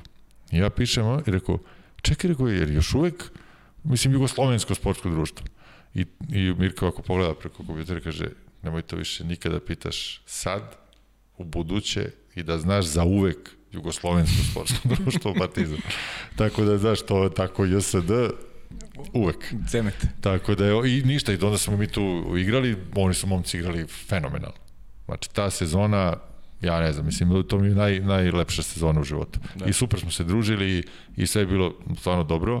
Oni klinci, ja sam bio malo stariji, nisam ja tu ništa prosipao neke mudrosti, nego smo prosto eto tako mm -hmm. bili drugari i, i kako se zove, i uspeli smo na kraju da uđemo u Final Four, što je stvarno bilo, mislim, ta utakmica s Posilipom, posebno u Beogradu, gde smo ih stvarno razbili. Znači, to je bilo, mi smo njih dobili tamo, mm -hmm. 7-6, što je bilo, znači, stvarno što kažete vi novinari, odjeknulo je waterpolo javnosti. Da, da. Ove, ovaj, znači, stvarno je... Dobro ti do ovi termini, ti kažem. Pa, pratiš, pratiš. Prati, dobro, prati. Da. Ove, ovaj, I, znači, 7-6 mislim da je čak bilo. To se sećam da sam baš bio dobar. To mi je ovaj, posebno drago. Jer smo mi, sad opet da se vratim, znači, moja generacija, uh, deki i tako dalje, mi smo bukvalno pokradeni, ali al stvarno, smo bukvalno pokradeni u Napolju, uh, u četvrt finalu ovaj, Lige šampiona, gde smo u Beogradu igrali, čini mi se, nerešeno, a tamo smo trebali da dobijemo jedno pet razlike. Znači, bili smo duplo bolji. Znači, razvalili su nas. I meni je to ostalo u sećanju onako baš i to me nerviralo i meni je ta utakmica kad smo mi dobili ovaj, po sili po, u, u, u Napolju bila ono, znači, ozbiljna satisfakcija u životu, jer ovaj, i to se baš bio ono napalio, što se kaže, da, da tu bude sve kako treba i da, da tu probamo da dobijemo i onda smo u Beogradu mislim, on, oni su bili, mislim, generalno bolji od nas. Mislim, ko je tad znao i za Andriju i, yes. i znaš, mislim, stvarno nije to bilo to, nije to bila ta ekipa. I, ovaj, i ništa, mi smo tu onda otišli na Final Four i to, ta utakmica u, sa Jugom, svi smo bili ovaj, malo off. Ni, nismo prosto to, nismo očekivali, ne znam, nismo to baš tako očekivali, ali opet taj nesrećni gol koji smo primili u zadnjoj sekundi ovaj, utakmice, pa ti peterci što smo igrali sa Jugom, to mi je onako malo jedino, jedino me to malo ne, onako žulja. Inače, me karijera moja, meni je super. Da, Stvarno, e, to, da, da, to sam baš to, ali eto, sam si rekao, ajde, e, znaš kako, imam još neke segmente pre nego što pređemo na pitanje gledalaca. Bilo je dosta pitanja za tebe od, od naših gledalaca. Da, da, da se dotaknemo represivne karijere, ono što je što su nekako iz mog ugla najvažnije, najvažnije sekvence. To su svakako bronza u Sidneju koju se osvojio i, i to, to, to čuveno finalu u Atini. E, 2004. godine, eto imao sam tu, ne znam kako da nazovem, Ovo, imao sam tu nervozu da prisustvujem tom, tom finalu 2004. godine, mogu zamisliti kako je bilo vama. Bio u Kranju 2003. Nisam bio u Kranju. A, pa nisam bio u Kranju. baš daren uopšte. Nisam baš daren, da, ali sam bio u Atini, bio sam u Atini i imao sam, kažem, tu nervozu kao neko ko gleda sa strane i, i očekuje to neko zlato i sad mi je mnogo interesantno da mi vi akteri pričate o tome, sad sam čuo razne priče, recimo Dejan mi je rekao da je gledao, da je gledao finale posle duže vremena da je kriv za posljednji gol, da ga to sad dodatno nervira, jer je shvatio da on kriv za posljednji gol. Aca Šapić mi je rekao da je, da je ljud strašno na sebe iz ove perspektive što je tražio zamenu krajem treće četvrtine, e, smatra da je ostao tad u igri da bi možda stvari bile drugačije. Ne znam, e, svako ima neku svoju priču e, s tog finala. Ne znam, ko mi je pričao da, za susret sa Tiborom Benedekom posle finala, to se sada zaboravio. E, kako ti, ajde, da idemo od te Atine koja je stvarno bila šansa generacije za, za, za osvajanje zlata, po čemu ti pamtiš to, to, to finalu? Uh, pa, znaš kako, Mislim, ja sam kroz moju reprezentativnu karijeru manje više bio drugi golman. Uh -huh. I to je meni bilo okej okay zato što uh, su tada, ja sam bio zamena uh, Šoštaru i Šefiku. I Šefiku, da. I mislim, šta sad? Ja sam bio zamena Šoštaru i Šefiku. I Šefiku, da. Nisam bio zamena Peri i Miki, nego dva dvojici najbolji golmana sveta svih vremena. Da. I meni je to bilo okej okay, i imao sam svoju ulogu, ja sam tu ulogu uvek uh, stvarno ozbiljno shvatao. I ja, ja mislim da sam samo jedan trening uh, propustio za sve vreme mog reprezentativnog bavljanja sportom zbog, možda zbog povrede, a ne računam 99. Ja sam tada imao povredu leđa, pa to ne računam. Ali generalno mislim da samo jedan. I meni je to bilo. Okay. Ja se sećam, e, sa te utakmice se sećam najviše, moram da priznam, Nene Manojlovića, koji u jednom momentu e, mi smo dobili neka dva igrača više početkom četvrte Četvrte. četvrtine. Ja nisam nikad gledao utakmicu. Od, nikad. Mm -hmm. ne, ja ni neću nikad ni gledati. O, znači, imali smo dva igrača više gde su završili na nezgodnom a, krilu jednom, čini mi se, Vlada, Vujas i jednom Vanja. Čini mi se. I, ovaj, a ja sad, sedi pored mene uh, Petar i sedi Ćira. Petar Trbović i Ćirić, koji igraju na toj strani. I ja pitam Petra, rekao, Ćira mi je to pričao E, baš. Ćira mi je baš pitam pričao da nije bio ima, u bazenu. Da. ko ima, ti, jer vas dvojica imate tri lične. I kaže Petar, ja imam, a Ćira kaže, ja nemam, imao jednu ili dve. I ja ovaj, prođem i sad, pošto je Nena uvek nije mogao da sedi normalno, nije sedeo ni kad spava, ja mislim, Da. ovaj, nego je spao stojeći, on bio tamo negde. I o, ja sad ne mogu da ustanem, ne smem da ustanem sa klupe, mislim, kazniće nas, ja onako uspem da nekako zveknem ovaj, Peru Porobića i kažem mu, reko, Ćira nema tri lične. I meni Pera kaže, rekao sam mu. Neni. Ne, ni, da. I ovaj, ja, ja kažem Čiri, rekao, čoče, znaš, reci mu. Međutim, to je, to, znaš kad se to desi prosto? Znači, ja sad ne znam kako ovi ostali gledaju, da li Aca, ovaj, zamena i tako dalje, Deki, mm. znači, ja s toga ništa, ne- ja se ovoga sećam da je to taj neki trenutak gde sam ja video da mi tu gubimo. Mm -hmm. Jer to nije sistem naš. Da, nije da. to, ne sme se desi. Razumeš? Znači, to nije nešto što je normalno da se desi u, na, na klupi onoga koji treba da uzme, koji u tom momentu vodi, dva razlike, i ima, dv- ima dva igrača više. Pa onda ima, ide jedan razlike, pa opet igrača više. I tako dalje, i tako dalje. Mi smo, i sad, uh, oni su to, znaš, u, u tim momentima na takvom takmičenju ti koristiš svaku slabost. I oni su to provalili i uh, mislim da su završavali i Vanja i a, ovaj, i vlada su završavali šutem. Uh -huh. To čini mi se. Kažem, kažem, kažem ti, nisam gledao utakmicu nikad, koliko se ja sećam, nešto mi tako kroz glavu, ali ne mora da znači da sam u pravu. Ali ovo sigurno znam, to mi je jedino ostalo u sećanju, da, sam, da, da je Ćira sedeo celu četvrtinu na klupi, a nije imao lične. Uh -huh. I to je stvarno bio, bio eto, previd.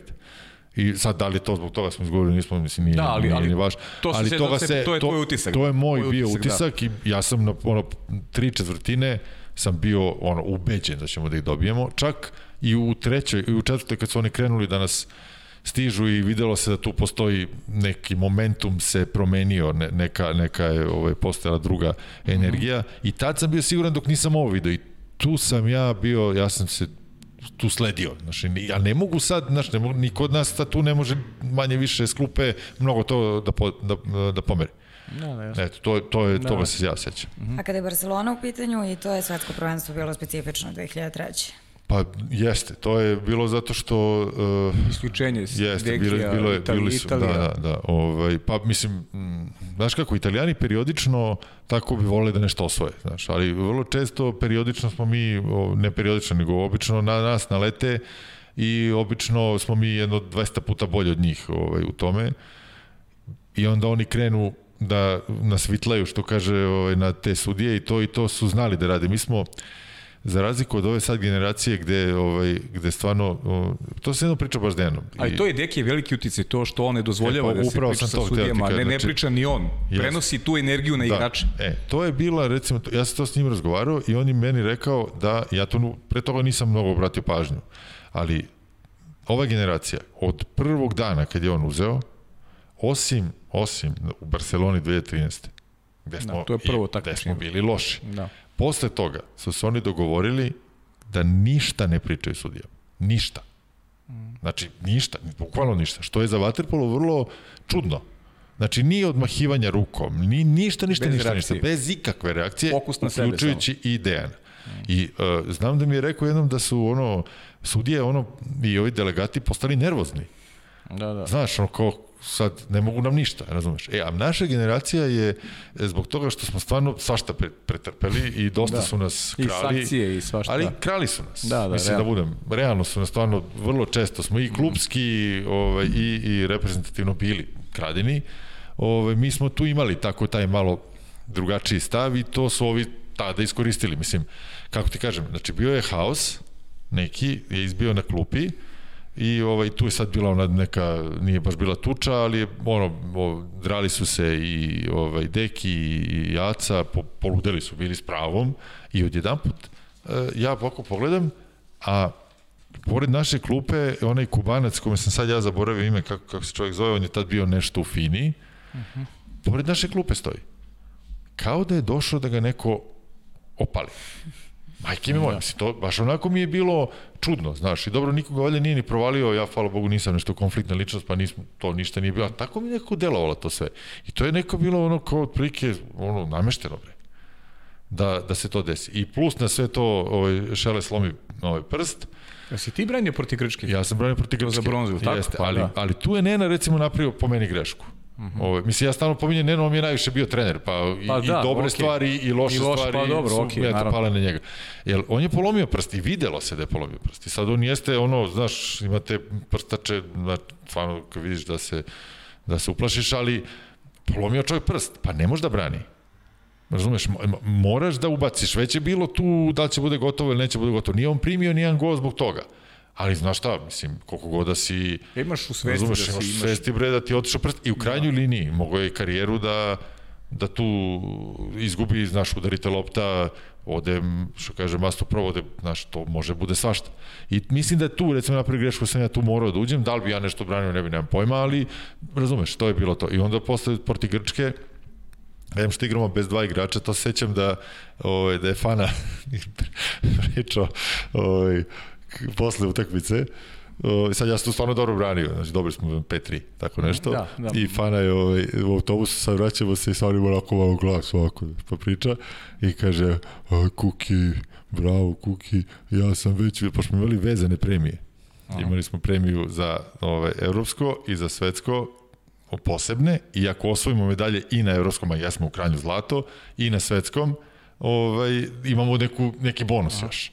I ovaj, ja sam već video parice kako lete ovako, kao, ali evo, sad smo ih vratili nazad, znaš, tako, tako nešto, ne, nešto iskomentarisao. Znači, kad, kad sam video da ova dvojica ne igraju i ove šele, pa ja sam već video parice da lete. a bila, bila je dobra premija, stvarno, nije uopšte bilo da, malo, malo love, pa je bilo onako, značajno smo mi to... Ja, samo ti kažem, znaš da sam da. bio i te godine u Barceloni, samo nisam mogu da uđem na bazen. Što? Ne znam, nisam, nije bilo karata, posle za treće mesto sam već otišao. Što nisi zvao? Pa, tad te nisam znao. ja sećam se da, da smo mi čekali tu utakmicu, ovaj, bilo je plivanje i onda posle toga su mi igrali za treće mesto, pa onda su igrali Mađarska i Italija za prvo ovaj, mesto i znam da smo se mi rasplivali i da smo nastavili u taj neki šator tu na bazenu ovaj, i da smo stojali u šatoru sat vremena. Bukvalno. Da. Sat vremena i mi se svi oladili. Znači, i on, a kad smo ušli, krenula je utakmica bukvalno za 5 minuta.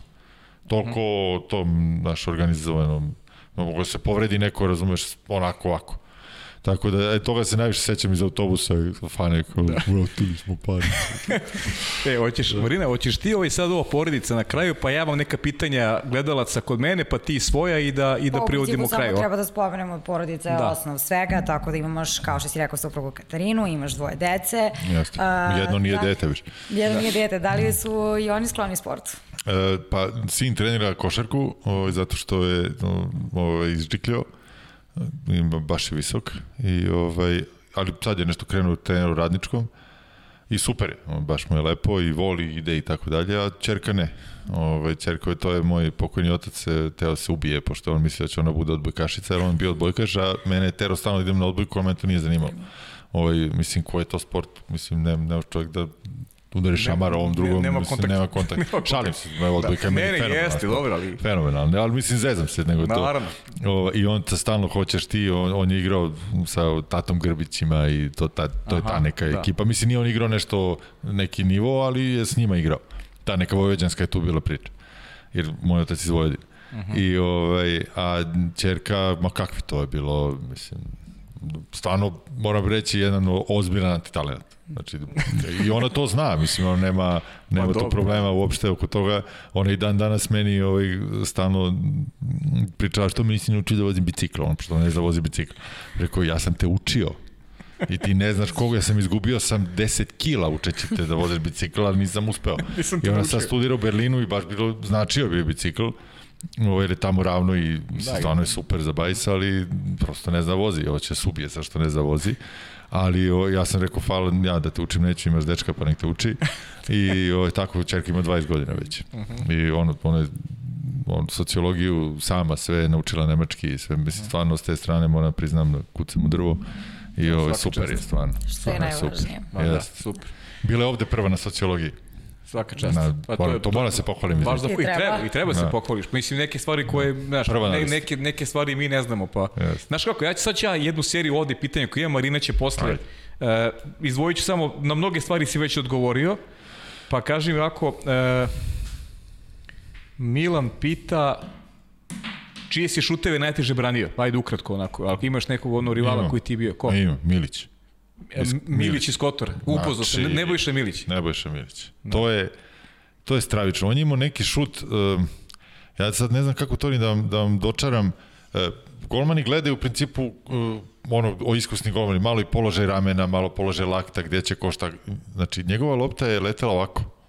Mhm, Znači, to je ne, neverovatno nešto. Znači, i ja sam posle još i na, navuko strah, moram priznam, i on kad šutne, znači to je bilo umiranje smehom kako je dobio loptu na pola, ja viču A ima ga, on je stvarno jeste, jeste. gromadan I on, čovjek. I on je recimo e, u tim utakmicama između nas i Bečeja, on i Mesaroš, levoruki igrač, Mhm. oni su pravili razliku tu, u, to, u toj, oni su imali stravičan tim.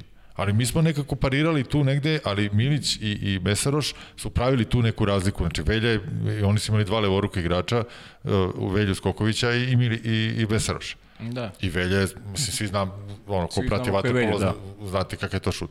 Ali, ove, ali nije toliko strašno koliko su ovaj bio. I oni su tu pravili razliku i meni Milić i dan danas. Uh Mhm. -huh. On i dobro, Kašaš, mada sam njemu manje. Da, Da, da. Branio, ali je imao stvarno čudan šut. Pan ima dva pitanja, pa ćemo da pređemo na Marinu. Ajde. Da, a, pita šta misliš o Slobodanu Soru i koji je trener ima najveći uticaj na tvoju karijeru? Je li to ovaj, Kum Soro postoje? Kum, nije, nije Kum Soro, Kum Soro, rekao sam ti, Kum Soro je sada negde, vajde već stigao u Rim. Da. A, pa, š- mislim, Soro mi je kum. Da. Mislim, iz te strane mi smo prijatelji, a s druge strane jedan od najboljih golmana koji smo mi ikad imali. A posebno što njegova tehnika branjenja je potpuno od udara od nečega što ja ono gledam da je, da je on, on je golman koji je naučio u Partizanu da brani, on je naučio u Vojvodini i naučio od Nikole Stamenića u Beogradu uh -huh. i on je kao formiran golman došao u Partizan i ima tu malo čudnu tehniku koju ja ne mogu da branim tako, a on to bez problema radi, a zna, zna zašto? Zato što on ovaj, je najspremniji sportista u Srbiji, ja ti, evo tvrdim, sad, Pa, sad je dan mara, danas, maraton je istračan. Trčao je maratona. Ceo maraton istračan. Veruj mi, znači to, ja sam čuo ranije, ovaj, još kad sam mali bio, mlad, da je Bruno Orašar, naš onaj teniser, Teniser, da. bio ono, znači to je bilo za medicinski uzbe- udžbenik. E ja mislim da je, da je Sora tako. I tu, znači, to, to poštovanje prema radu koje ja imam u odnosu na njegov rad, to, to niko nije imao. A imali smo radne. I Aca Šapić je bio nenormalno radan. I Vlada Vujas i mislim većina nas, ali ovo nisam nikad vidio. Eto. Jesmo imali još neko pitanje? Tebe? Pa imali smo to za, za globa, za trenera, vjerojatno Nena Manojlović, vjerojatno. Pa da, da, Nena ne, Manojlović, ceo, da. pa pratili su najveću karijeru s njim. Jeste. Možeš ti, Marina, Evo, pređeš na... moram sa telefona, tu smo dobi- dobila sam milion pitanja, na pola, to, na pola smo i od, odgovorili, tačnije si odgovorio. Evo, Aleksandra Milošević, ona nam se stalno javlja, interesantno je, izjavio si uh, po završetku karijere da si plivao pomalo, a onda ti je jednog dana postalo mrsko. Da li ponovo plivaš? A, ne, ne, nisam ušao, mislim u bazen, da, daj da ne slažem sad, ali dosta, baš dosta. O, je, u stvari znam kad sam ušao, znam tačno. O, 2012. sam bio u Riju, nešto vezano za olimpijske igre, tad sam tamo radio, u olimpijskom komitetu i išao sam na neki trening flamenka i naterao me ovaj, Zigmund Bogdan, što je igrao u Bečeju, on je tamo bio nešto i onda me, mi se znamo iz Bečeja i to, ovaj, sin Bo, Zvonka Bogdana. Sin da, da. Jeste. I on je bio tamo i on kao, ajde, ideš sa mnom, levo, desno, a mene je zanimao kako izgleda taj njihov fl- flamengo. To, to ljudi ne znaju, da to su sve, znači Botafogo, flamenko, ne znam još, to su sve um, kao uh, sportski klubovi. Aha, Znaš, kao, aha. kao Societa, ono, mhm, neka, mm -hmm. ovaj, u Italiji, šta ja znam. I tu ima sad i, i rvanje, i bazen, i, i, i ovaj, stadion. I, znači, to je sve pod jednim krovom, jer to mnogo zanimalo da vidim. I, ovaj, inače, američka reprezentacija, olimpijska reprezentacija je četiri godine pred Rio zakupila ceo Flamengo, taj ovaj, sportski centar, da ga tako nazovem, za svoje sportiste i oni su tamo išli stalno i spremali se, mislim, zato oni mhm. osvoje, ne osvajaju oni toliko medalja zato što su ono diletanti, nego zato što znaju da rade svoj posao. I imaju lov. Tako je. I, ove, I onda, e, tad sam zadnji put. Mm -hmm. A, nisu spomenuli da si, evo, nas si pozivio da si završio master studija na prestižnom univerzitetu u Lyonu.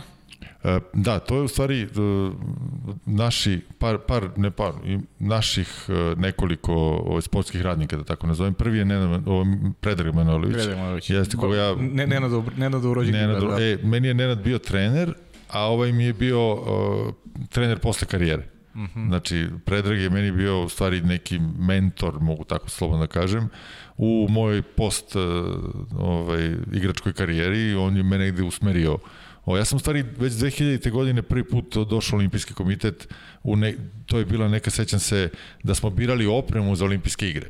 I to je mhm. bio prvi neki pokušaj, da kažem, sportske komisije, te neke koje je posle postojala. Jasne, jasne. I bila je jasna šekarica, sećam se, bio sam ja i čini mi se Vanja Grbić, da smo nas troje bili tu i mi smo kao nešto gledali tu opremu, mislim ta oprema već bila kupljena odavno i sve to bilo, ali mi kao eto smo bili tu. I tu je ne, no, predrag meni već onako vidim da, da je to negde ima u glavi mene. I, ovaj, et, i on mi je u stvari taj koji je mene posle usmeravao. -hmm. i ja sam radio i on je bio savjetnik u olimpijskom. Ovaj, ja kad sam bio sportski direktor da, sportski direktor olimpijskog komiteta, tad je on bio savjetnik Đorđe Viščatski bio generalni sekretar koji sad. I sad, ja. I to je to. Znači, braća Manojlović u stvari stvarno jesu jako da. uticali na moj život. Nažalost, pokojni jedni jeste, drugi. Da, to jeste pitanje, da li si zahvaljujući njemu upoznao i zavolao sportski menadžment. Da, i... e, u stvari, stvari u tome da sam, da je, postoji to, to zove MEMOS i on je bio prvi koji je završio taj MEMOS, to je uh, univerzitet u Lyonu, koji je jedan od najboljih univerziteta vezanih za sportski menadžment, ima strašne profane. On je potpisao ugovor sa uh, o master studiju, tako sam ja neki magistar, pa Mm -hmm. To, ne pišem nigde da sam MR, ali da, evo mogu da kažem javno sam da. magistar. Da. Ove, ovaj, mislim, jesam. Dobro, jesi. yes. okay. o, I oni su potpisali ugovor sa olimpijskom, Međunarodnim olimpijskim komitetom da daju stipendije e, nekim nokovima za ove, nacionalnim olimpijskim komitetima za te, ove, uh mhm. -huh. za te stvari. I MEMOS je taj jedan program koji traje godinu dana i ti pišeš taj rad, mhm. -huh. ovaj master rad, tako da ja jesam stvari magistar, i magistarski taj pišeš i braniš ga četiri puta i na kraju ga braniš u Lozani pred komisijom i još jednom ga prezentuješ pred ono punim auditorijumom amfiteatra ovaj, u muzeju u Lozani.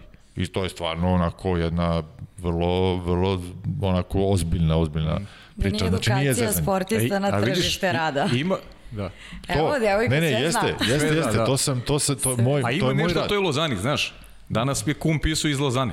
Eto vidiš, Eto. Soro, iz Lozane se danas javi. Iz Lozane. To. I ima nešto, to je jeste, Lozane. tamo, mislim, ovaj, to, tačno tako mi se zove rad. A to jeste u stvari, e, mislim, taj moj rad je u stvari baš zanimljiv, moram da priznam. Sad ja ko neki dan 200 godina, znači sad ću da uvalim neko. Ali da. to jeste u stvari e, pravljenje jedne prave sportske gimnazije. Uh mhm. -huh.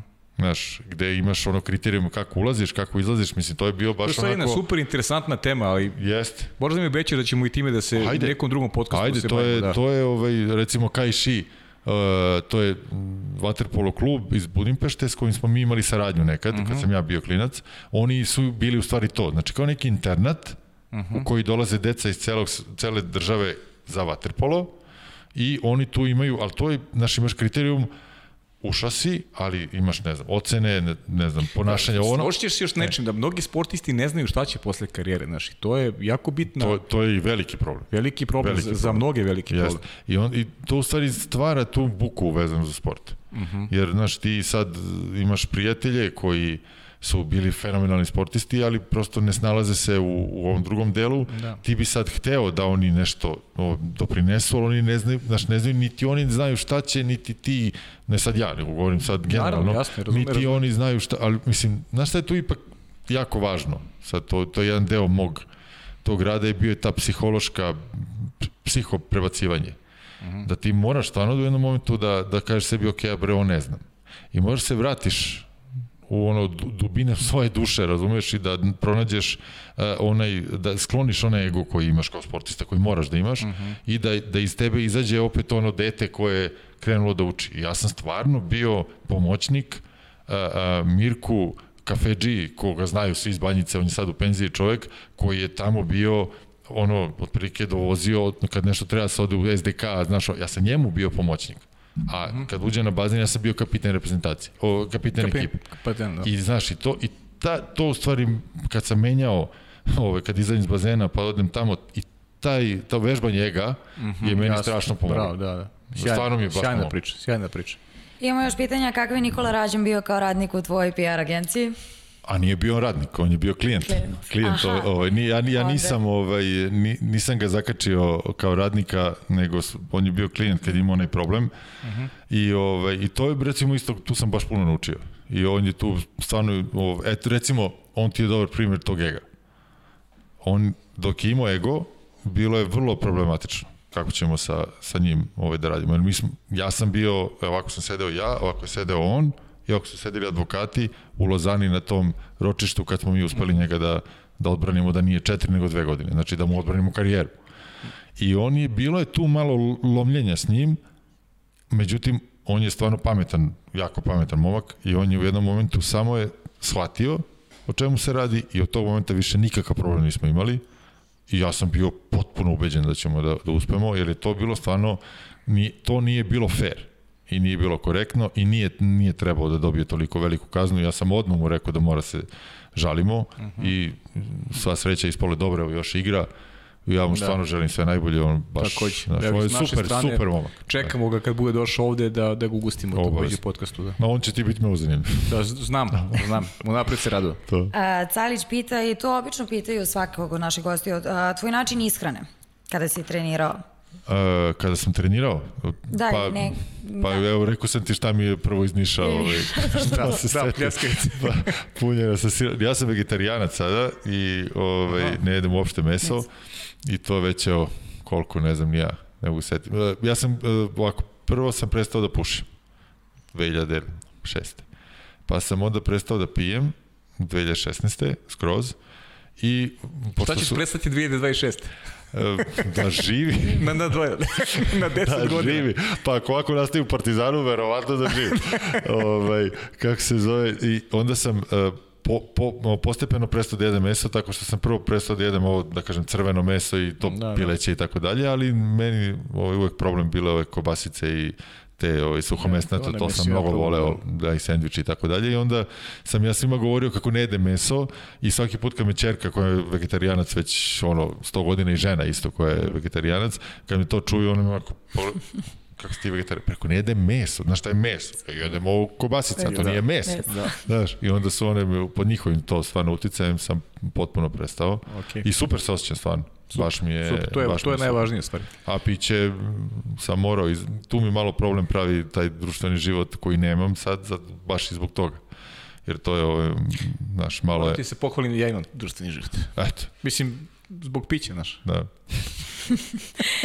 E, ima dosta pitanja koje smo stvarno već odgovorili, pogotovo kada je u pitanju tvoj dan. Ajde za kraj samo a, još jedno a, pitanje od Maje. Da li će Vatrpolo klub Partizan ponovo imati žensku selekciju u nekoj skorijoj budućnosti? E, to nam je cilj. Ove godine nemamo tu šanse, ali u principu mi smo tu malo zakasnili, jer su tu i Zvezda pre svega i ovaj Taš ovaj, 2000 se zvao, ja se izvinjam ako se ne zove više tako, i Vračar. To su tri kluba ovaj, u Beogradu koji, su, ima, koji imaju stvarno dobre ovaj, te ženske klubove i mi tu kako ti kažem, moramo da, da vidimo da organizujemo to, jer tu jako malo ima u stvari devojčica koje to treniraju i tu bi nastao problem da mi bi morali možda da nekoga uzmemo, da, da nešto tu muljamo. kluba, da. da nije, nije to nešto što bi mi želeli da radimo. Mi u principu nećemo se, ne da nećemo se svađamo s ni sa kim, nego prosto nećemo da, brate, svako je ovde Mi smo da pomognemo s jedni drugima, mislim, jedno ma, da- mali smo mi, Da, jedino da mala smo mi otvorite, sredina. da otvorite sekciju, pa ako se prijavljuju neke nove Pa to bi morali da krenemo od početka. Od da. početka, od da, nule, da. da. I to je malo pravi problem tu, nije, Da, da. nije, nije baš jednostavno. Pa do svakog slučaja po, pozdrav svim devojkama koji se bave Apsolutno. vaterpolo i mi hoćemo kroz ovaj podcast da promovišemo to i obećali smo tako da, Da. biće sigurno gošći Jest, iz, jest. iz, iz tog. I super su bile na, ovaj, u, Beogradu na evropskom prvenstvu. Pa da, vidim da to ide nekom uzaznom linijom, to je, Jest. to je zaista Mislim, jako se to da. pomerilo za kratko vreme. Ja Jest, sam bio u olimpijskom komitetu kad je, ovaj, mi smo u stvari, pa ajde mogu da kažem, moja administracija, tako to nazovem, taj sport koji sam ja vodio, mi smo napravili taj prvi program za, za revitalizaciju ženskog Mhm. vaterpola u Srbiji i mi smo dali ta neka prva sredstva, nismo bilo ni mala i to je bilo 2012. ja mislim, pred uh, olimpijske igre, slagaćete možda 2013.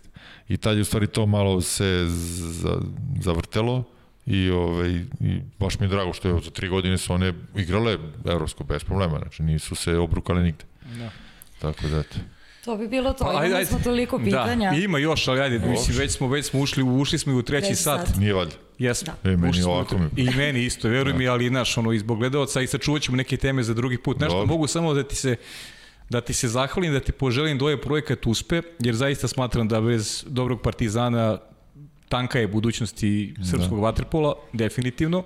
Tako da vam poželim Pa hvala, mnogo mislim- sreće na tom projektu, držimo vam fige. Mi ovo ne gledamo kao, znaš, kao projekat, to kad kažeš projekat, to je ono kao napraviš Projekat, nešto, pa- ima početak i kraj. Pa da, ali Ovo je proces. proces, Ajde jeste ga zovemo proces. proces. Ok, neka Znači, bude proces. Ajde proces. da, da koriguju Da. sebe. Da, Moj proces pokojni otac bude. je imao tu ovaj, jednu rečenicu koja je glasila kad ovako, ovaj, kao postao si neki direktor, jel, a u stvari Mhm. si se ubacio u, ne znam, ne, ono, veliki problem, ali ljudi te percipiraju sad kao da si uspeo nešto. I onda on ne čestita to, nego on kaže čestitam ti situaciju. Tako da je to, znaš, ovo je, možda mi čestitaš situaciju, Situaciju, to, pošto ne znamo koja je tačna Ajde, situacija. vidjet ćemo. Držimo Eto. fige da bude dobra situacija. Jes, nadam se. I da ti se svakako zahvalimo što si bio naš Hvala vama što ste zvali, bilo mi super. Zvaćemo te ponovo da znaš. Zvaćemo Da, ponovo. može. A, nećemo najavljivati sledećeg gosta. Nećemo ne vidjeti sledećeg gosta, Neka prate naš Instagram profile. možemo da kažemo ako hoćeš ko će biti za dve nedelje, to znamo definitivno. Možemo da kažemo. Znači Vlada Vujasinović ovde za dve nedelje. Sledeći gost još čekamo neke stvari, tako da nećemo Pa da ako će vlada bude sledeći, ne treba ti sledeći nedelje. Dobro, neka bude tako. U svakom slučaju da ostanete uz naše Instagram profile i da pratite ko će biti naš eh, naredni gost. Još jednom da ti se zahvalim, a vi uživajte večeras uz Nikolu Kuljaču i intervju sa njim. Ćao.